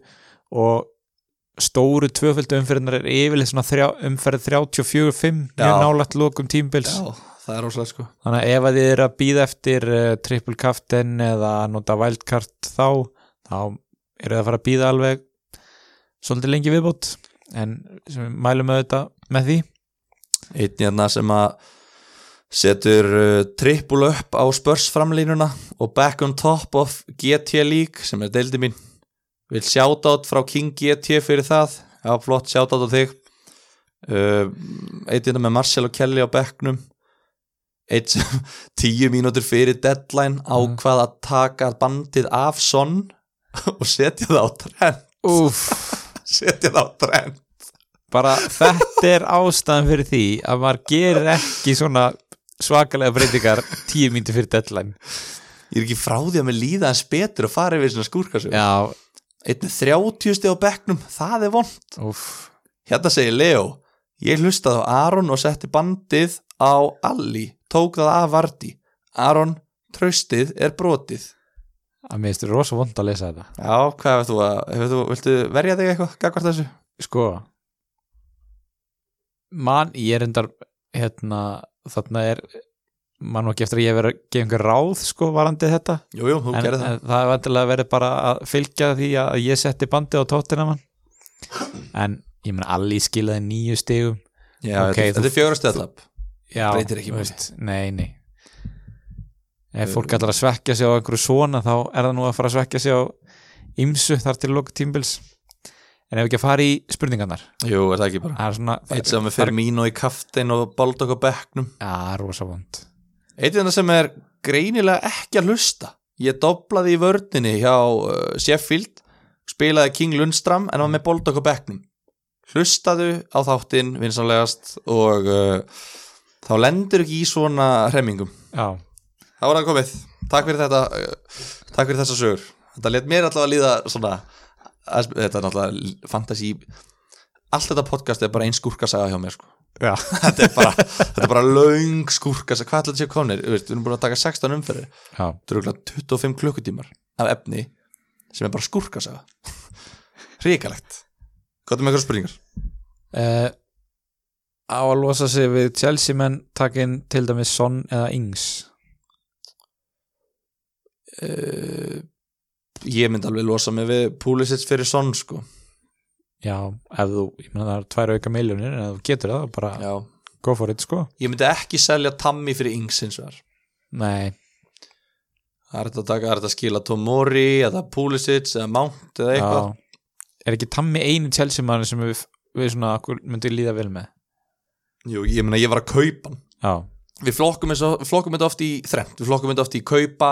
selja eða halda já, Þú veist, eins, og, eins og Kane, þú veist, ég held við sem sammála um það okkur finnst Kane kannski ekki vera að kaupa nei en alls ekki selja, þú veist, þetta er bara Nei. eins og halda eða þú ert Já, meðan, geðveikt uh, en, þú veist, en vardi ég til dæmis kaupa mm þá ert ekki með að það verður að kaupa hann. -hmm. þannig að ég myndi segja já, Tammy er halda hann er næstu í kaupa, hann er, jú, hann er eiginlega að kaupa fyrir mér, Já, ég set hann í kaupa ok uh, Sissoko er á 4,9 og búin að fá 7, 2 og 8 í þessu þreim já færi maður ekki frekar í sjálfi okkar mann ég, Ég- mér finnst þetta ekki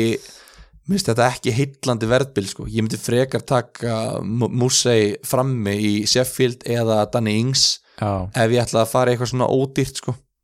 hann er enda búin að, sp- búin búin að byrja sér þrjá Eða, já, bara hann sé að spila af því að Mourinho eins og þú bentir á hann reyfi liðið sér ekkit rosalega mikið næ en Sissoko er það væntalega þarna djúpur á miðjunni er það ekki? Uh, jú, hann er svona hann áttan í liðinu, skulum við segja Já, hann er ekki sitjandi miðmarinn nei, nei, nei, hann er eilt spyrir hliðin á dægir já, þannig að hann hefur lefið til að fara fram og hefur skilað tveim mörgum í sýttu þrem leikjum og skoti stöng já, og skoti í stöng sko, eina sem böggar mig við hann er að hann er ekkit góður að klára færi Nei, þetta er bara Man svo mikið einhvern býst tímann- man einhvern tímann hann komst á móti Liverpool komst hann einn á móti einum eða eitthvað svona átti og mann einhvern veginn hugsaði bara hann, hann er aldrei að fara að skora þú veist, hann, hann enda líka bara neldan og boltan sko yfir stúkuna held ég Já, þú já, veist, hann bara fór yfir næsta postnúmer þannig að ég, mér liði einhvern veginn jújú, jú, ef maður vill búa til pening þá er ágætt að taka sér sóku en annars myndur væri ekki fara alla leið bara í 4,4, 4,5 til þess að fá bara hálfa miljón í við eða, þú veist, þetta er svo, Já, hvernig á ég að kaupa þá skilur dendongar já, það- þú veist, ég veit það ekki Já, Ég veit það ekki. ég veit ekki, minnst þetta allt í lagi mér veist hann ekki kaupa, sko Sissoko, ef við tölum um kaupa, halda, selja Nei, ég menn hann er bara þú veist, það er það bara til að búti pening ég er ekki að fara að selja Jack Grealish og kaup, kaupa múið Sissoko því Nei, ég held að hann fá nei, fleiri nei. stig skilur nákvæmlega já, þetta er pæling Ok uh, á maður að selja Störling til að fá sér uh, Son eða Mane er bæði vegi með Kevin De Bruyne og Kane mm. já Mér fyndist- Mér finnist erfitt að kaupa Mane núna Er það bara ég? eða? e, já, þú veist 12,3 er alveg drullu mikið En ég skal reynda viðkjöna ef ég væri með Störling þá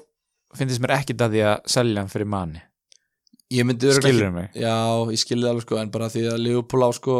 Watford og svo enganleik og svo Leicester já, ég myndi örgulega býða eftir það býða Já. með það þangað til þetta og var eiga erfiðan meistarallaleik í, vik, just, í vikunni já, þetta er alveg manni er bara svo ógeðslega góður hann er búin að vera svo Já. ógeðslega góður á þessu tífumbili þannig að svara við þessu er nummer eitt að, að sjá hvað gerist í mestaradeldinni uh, ég myndi freka, ef ég var, ég myndi freka kaupa sonn heldur um manni núna ok, ég myndi gera það og sérstaklega bara út af því að ég er svo mikið að elta og ég er svo mikið, núna er ég svo mikið að fara að rembast við að vera öðruvísi, mm þú veist, í mínum spórum ef hann er í 1.9M þá myndi ég bara halda störling ok eins vond og það er þú veist, eins umulegt og það er að hafa svona lélegan dýran leikmann ég myndi, ég myndi öruglega halda honum og Mm. bara og gefa honum næsta leik ég held að hann geti alveg gert skada á móti Arsenal já, ég meina, hann, við vitum alveg hann getur skora, þú veist, þrennu þegar hann er í gýrnum, bara vandamáli er það að hann hefur ekkit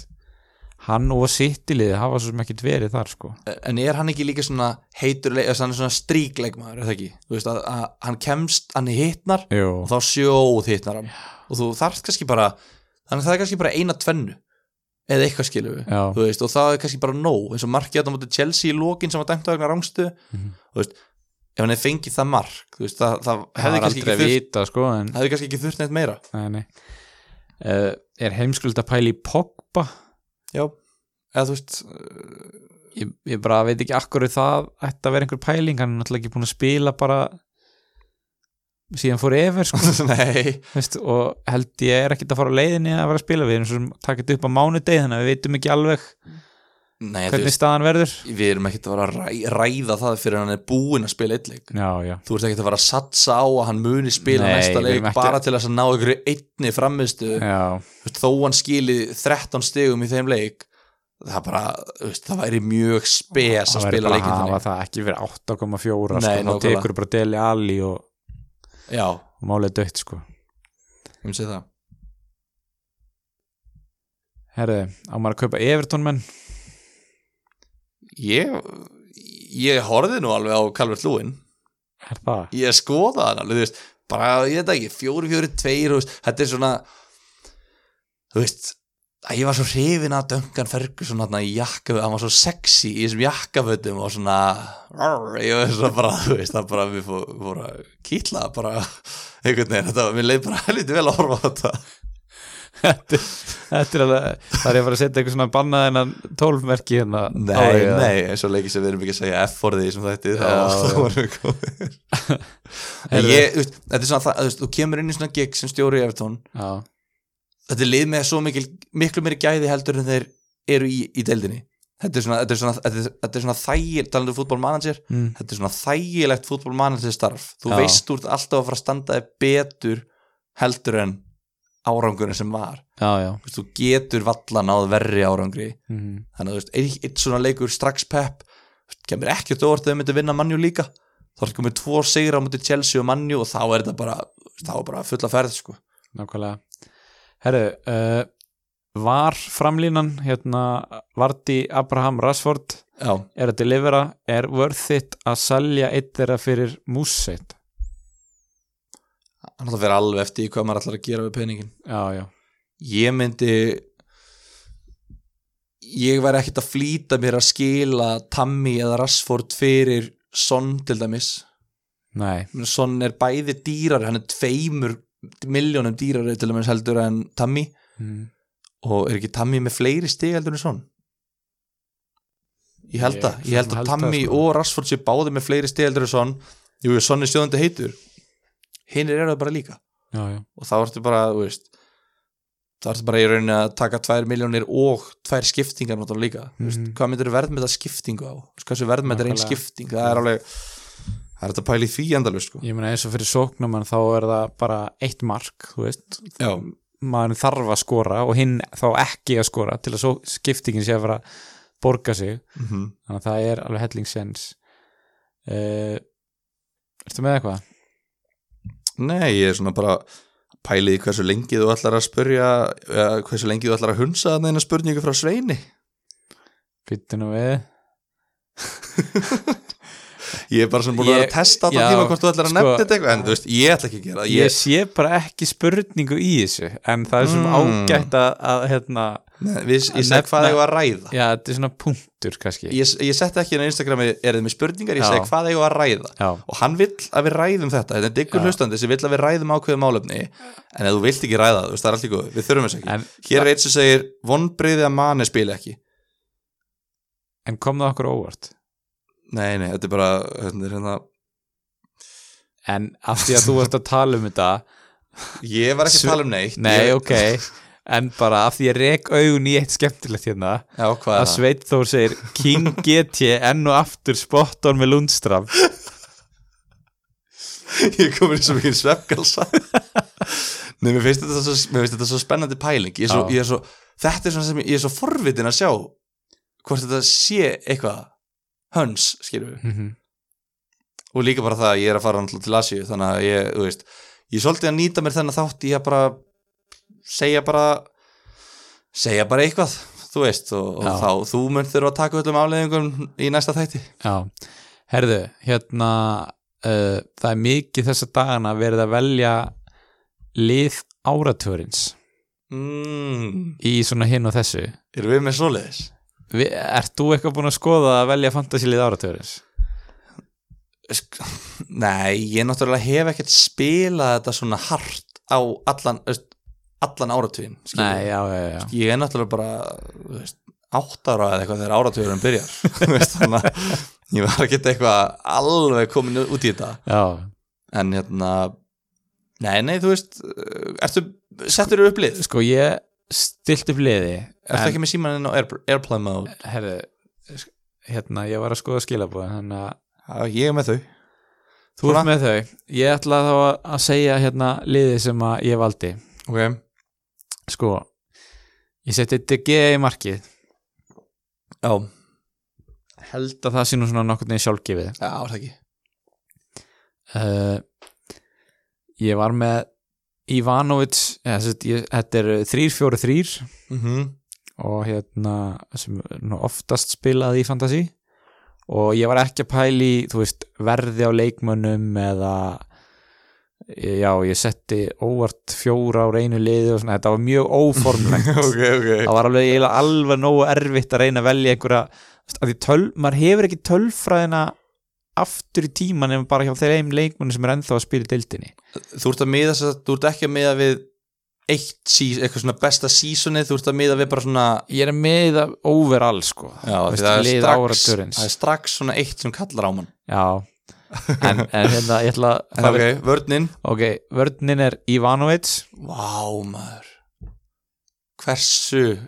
Hversu fyndin fantasileikmaður var hann hann var geggjaður Hann átt, hann, það var svo ekkert í hans fasi sem að gaf til kynna að hann væri geggjaður fantasileikmaður neða sko Þetta er hann, bara svona durgur, þetta er bara svona hafsen sem að var hægri bakur, þú veist hvað það eru já þú veist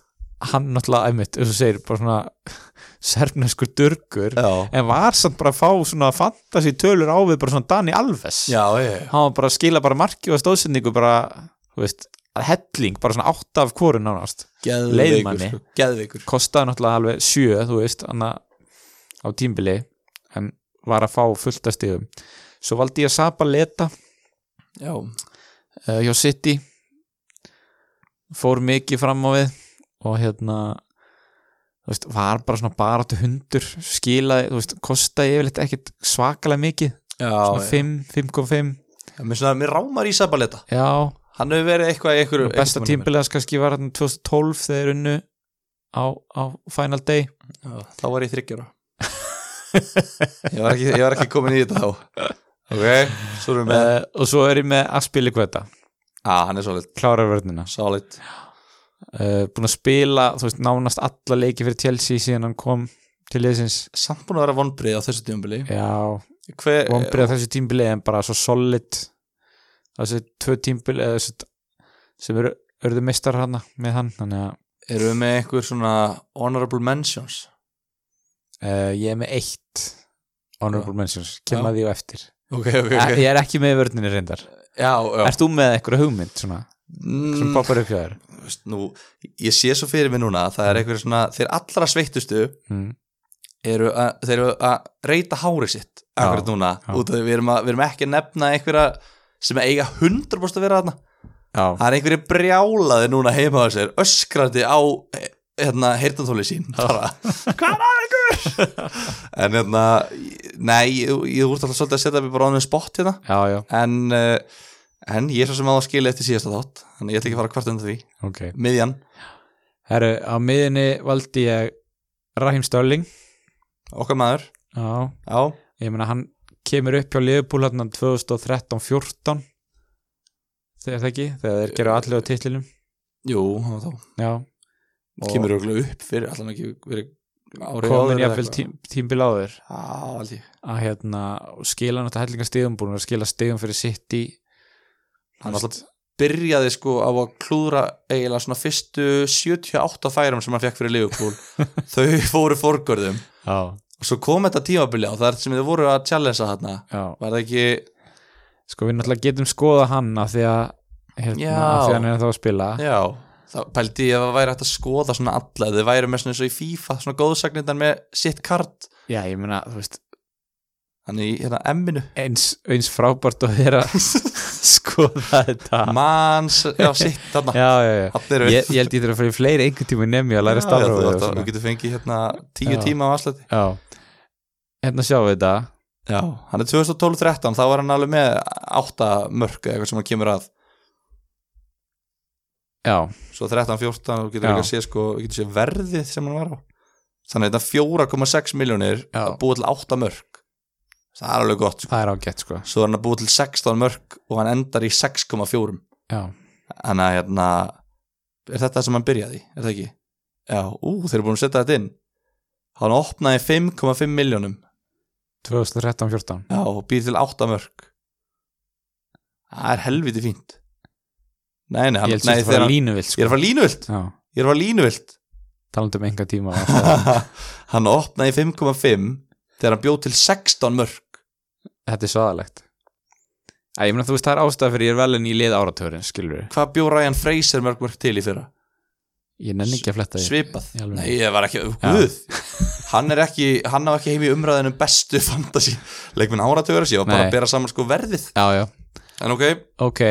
uh, Jæja Túri, mm -hmm. ég valdi hann hann náttúrulega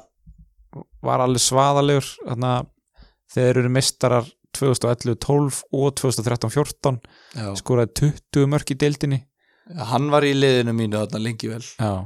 einhvern tímann ég hef verið svona sex ára þegar hann nei, ég ætla að koma, ætla að koma með þetta en hann, jú, jú, ég man eftir, ég man eftir að hafa haft hann í liðinu já hann var frábær hann 2013-14 þeir skoraði 20 mörk uh, og skila alltaf solid stigum, þú veist, auka spynnu mörk og svona já, já, Þú veist, voru svona yfirleitt 8,5 Já, eitthvað slags, já. þú veist, voru svona ekki alveg prímjum leikmaður en Nei. hann þar á eftir uh, ég valdi Coutinho er það Hva, ekkert hvað finnst þér um það? það kemur mér á óvart sko Já, ég hef ekki búist við honum í, í áratugarins nei ég, eða þú veist og kannski lýsa, sérstaklega ekki í sama þætt sorry, sérstaklega ekki í sama þætti og þú ert að kvart undan leikverðin sem að sprengja í þriða hverju leik sko já, hann var svona 15 stig þú veist, allt í einu já, á 60 mínútum þannig að ég svona kemur óvart en, en ég er ekki meina að ég get ekki ég get ekki afsanna þess að afsanna þetta sjátt með, með einhverju tölum nei, nei hver, hver, á hverju hann að það ég bara hef svo góður einslega á honum og Já. hérna, mér varst hann alltaf að skila með við verð þú veist, hann var eitthvað ekki að kosta meira en nýju og oft minna það ég, man ég tók hann inn bara um leið og liðbúl keftan keftur hann í janúarglögg, Já. getur það að passa já, Og 2005 hérna- Nei, það var alveg snemma sko Hann hérna var komin 2012, 2012 já, eitthvað svoleiðis. hann- jú, tvítur já, já. já Og hérna Og svo fjórið maður á miðinni var Hazard Mér varst það svona frekar auðvelt já, Hann alltaf talarinn okkar Hann var eiginlega líka þægir þetta Hann, þú veist, var svaðalegur alltaf í heimaleikjum já, já, þú gast alltaf Maður sett gat bandið á eiginlega- hann já, heimaleik maður á gat móti eiginlega litlum treyst í- liðum, Já, alltaf bandið já, hversu geðveikt væri það að vera með Hazard í Chelsea núna í þessu Chelsea það væri mjög næs þú veist, bara þarna, bara, þú veist Pulisic, Hazard, William Já, og Tammy, Mm. hann væri ó, ég bara, sko úff ok Og svo var ég með þryggjalínu Þryggja manna framlínu Og sem var frekar einfalt Það var hérna Aguero, Kane og Suárez já Þú ert ekki með Van Persie Nei og það er ekki bara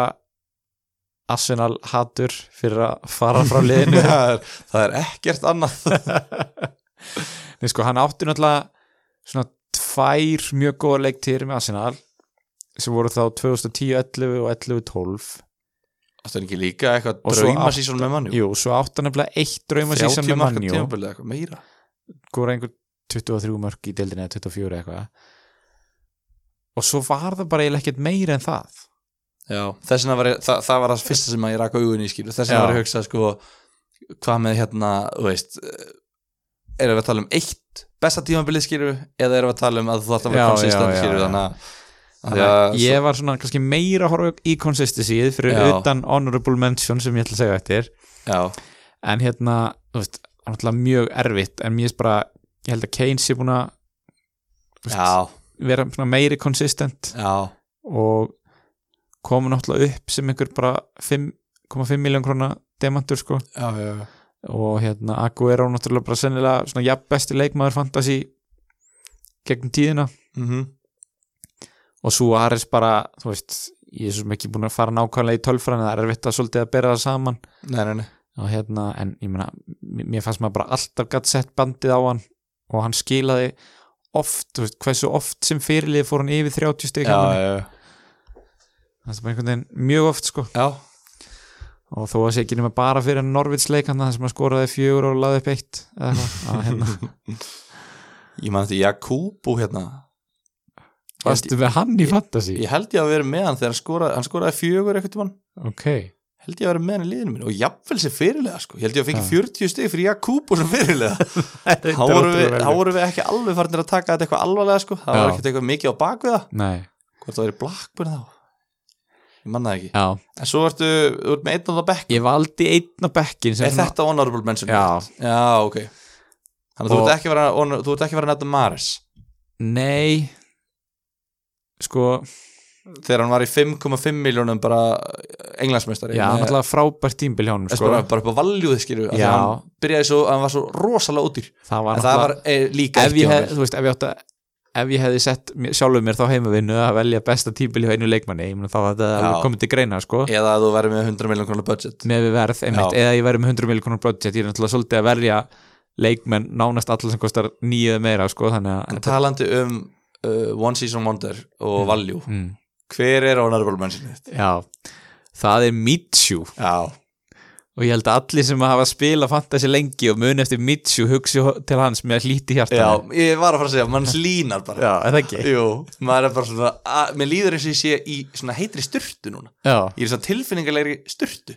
Hefur, eh, veistu hvað tilfinningu ég er að tala um? já. veistu, veistu hvað ég er að tala um? mér er svona þú veist bara svona þetta ég eins og að leggjast undir kósi teppi bara, Ándjöfis Já. Vá maður, heyrðu, þetta er rosa lið er það ekki? Til hamingi með þetta Já, takk fyrir Bara virkilega ánæði með þessa heimaðinu Ég man að Mitsu byrjaði á hvað var að tvö mörg og jafnvel ein stóðsending í 5-0 sigri held ég Já, hjá það Sonsi og ég man að það voru alveg einhverjir hérna, refir meðan veist, í liðinu, byrjuðu bara sísunum með hann í liðinu og voru Mhm. Já, bara já. að þakka tröstið hérna, ég vissi alltaf, hafði alltaf trú á honum eitthvað svona, eitthvað svona sem við erum að segja hérna í hverju einstu viku Mm, Ég get ekki beðið eftir næsta tímambilar Já, Ég er svo spenntur og að strax fá komin þangað ég, ég er komin, já, já, ég er, að, ég, ég er að nefna þetta fyrst núna Já. Ég var komin þangað eftir sjöundu umferð Ég get ekki beðið eftir að fá nýju verðin og bara byrja upp á nýtt Já Og bara geta bara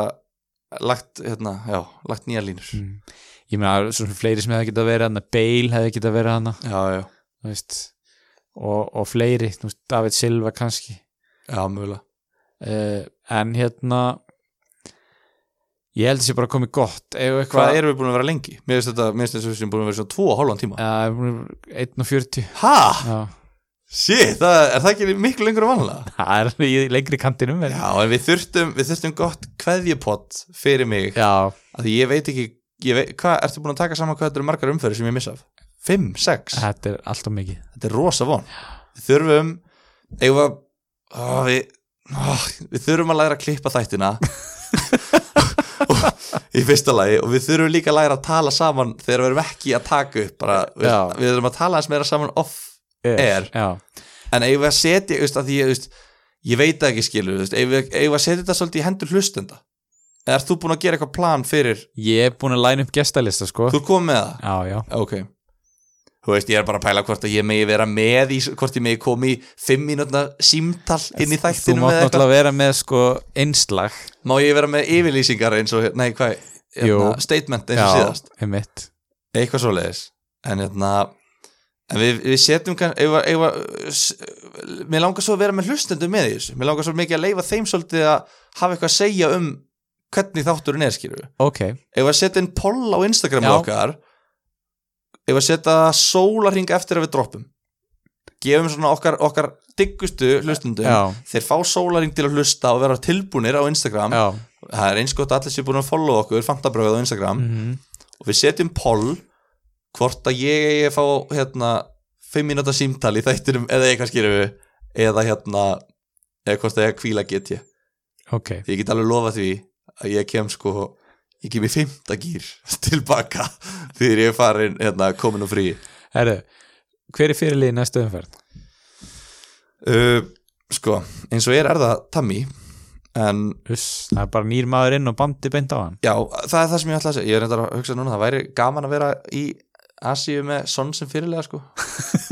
eða stundum bara því ég verð þar að horfa á leikinu örgla Já, þá get ég fagnað ennþá meira með hérna heima með locals já, Já. en hérna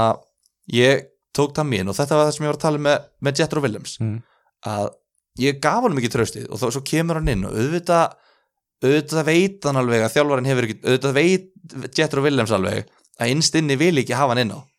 þú veist Þetta er bara, svo ég tali enn og aftur um mínar mitt hérna, fræga sumar með elliða núna Já. auðvitað lóksist þegar maður fekk sjensin auðvitað veist alveg að þjálfari vill ekkert meir en að hafa það á bekknum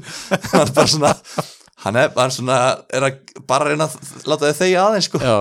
hann, það var svona máli með, með, með, með Williams núna ég vildi ekki hafa hann inn á, ég var bara að reyna aðeins að láta hann hætta að banka svona fast á dyrnar ok Mm. og það feilaði skilju og hann gerir ekki neitt þannig að núna bara ok, Tammy hann veit, ég er búin að segja hann hann veit að ég tók hann bara, ég seldi hann bara út að hann mittist Mm. hann veit að það var bara, bara fjárhagsmál hann er komin inn og tam, ég, ég er að íhuga trippulkaftin hann Uss. eða, þú veist, ég er aldrei að fara að gera það á þetta, Já. Mm. ég er bara að tala svo mikið en þú veist, mér langar það, það er hversu mikið traust tammi þú ert að fá frá mér og bara ég vil á vitra, ég er að, ég er að áarpaði þig hérna fyrir framann alþjóð, Mhm. öll þjóðin er að heyra þetta, þú ert minn maður núna, nú er þetta bara ég og þú og við erum bara að fara í 32 stig hún var í tvö mörg, eina stóðsendingu og við erum að fara í 32 stig á móti Bormoth, ok hann er að segja já núna, hann er að, Já, kink- hann er að hann, kinka hann kolli er að hlusta Þannig að það, það er svolítið staðinni mér En þú, það er vantilega bara að verða í þetta ekki Já, ég held ekki, ég get ekki annað sko. Þú veist, ég, Þú ert tók, líka á ungum aðra upplið Þú, ert, á, þú ert á fínu róli Þannig að ég er á góðróli og ég tók sensin núna þú veist, mér líður svona eins og ég sé búin að taka sensin út skil, ég tók bandið af vorti Já, já, já og hann eiginlega þú veist, þú veist ég tapaði næstu því á því skilur mm stóð sér bara frábærlega og hérna sá til þess að ég sá ekki eftir ákvörunni mm en þú veist, n- þegar Norvits og heimavelli Já, já ég sé ekki annan þa- að þetta sé, ég sé ekki að þetta sé minna en einhver tvö mörg sko fyrir vorti okkar Hann er reyndar að fara að mæta vítabanna Er það eitthvað faktor? það er reyndar alveg pæling Bara En- svona, já, bara varpa bara eitthvað varpa einhverjum efasendum Já, já en það er bara engin annar aðalmálega kannski það, það er engin annar fyrirlið sem öskrar á mig í mín lið Nei, ég er Skilurðu alveg, mig? ég er alveg Vist, ég sammála er þér, ekki að vera að setja Rashford eða Martial sko. Ég Það er svona- ekki það, þetta er bara vart í já, Og ég væri, ég, ég ég vil ég, gæti sett Pulisic eða ég vildi vera mjög klikkaður sko já, Þú ert náttúrulega ekki með neittn í Liverpool Þetta er bara vart í Já, að ég, manni eða þú veist ég er með Trent en ég er Já, ekki að fara já, að setja bandið á hann sko. Þetta er bara vart í manni eða sala já, fyrir mér sko ég, þú veist, eh, nei, þú veist, og Tammy ég hef náttúrulega byllandi trú á honum mhm. en það væri ekki, það myndi ekki mega sens að gera þetta ef ég væri í fyrsta sæti nei, nei, en ég er ekki þar, þannig að þá er það bara þá fer ég bara all in með Tammy algjörlega herðu uh, finnið okkur á samfélagsmiðlunum munið að breyta liðinu fyrir hádegi á næsta laugadag finniði líka Nemju á Instagram mm. og Gummi Ben já, ég held að hann heiti það á Instagram Mm. gefið þessum þremur fagaðilum follow og við heyrumst í næsta þætti það er að segja ég og, og góðu gestir já, ég hérna, heyri ykkur í januar bless bless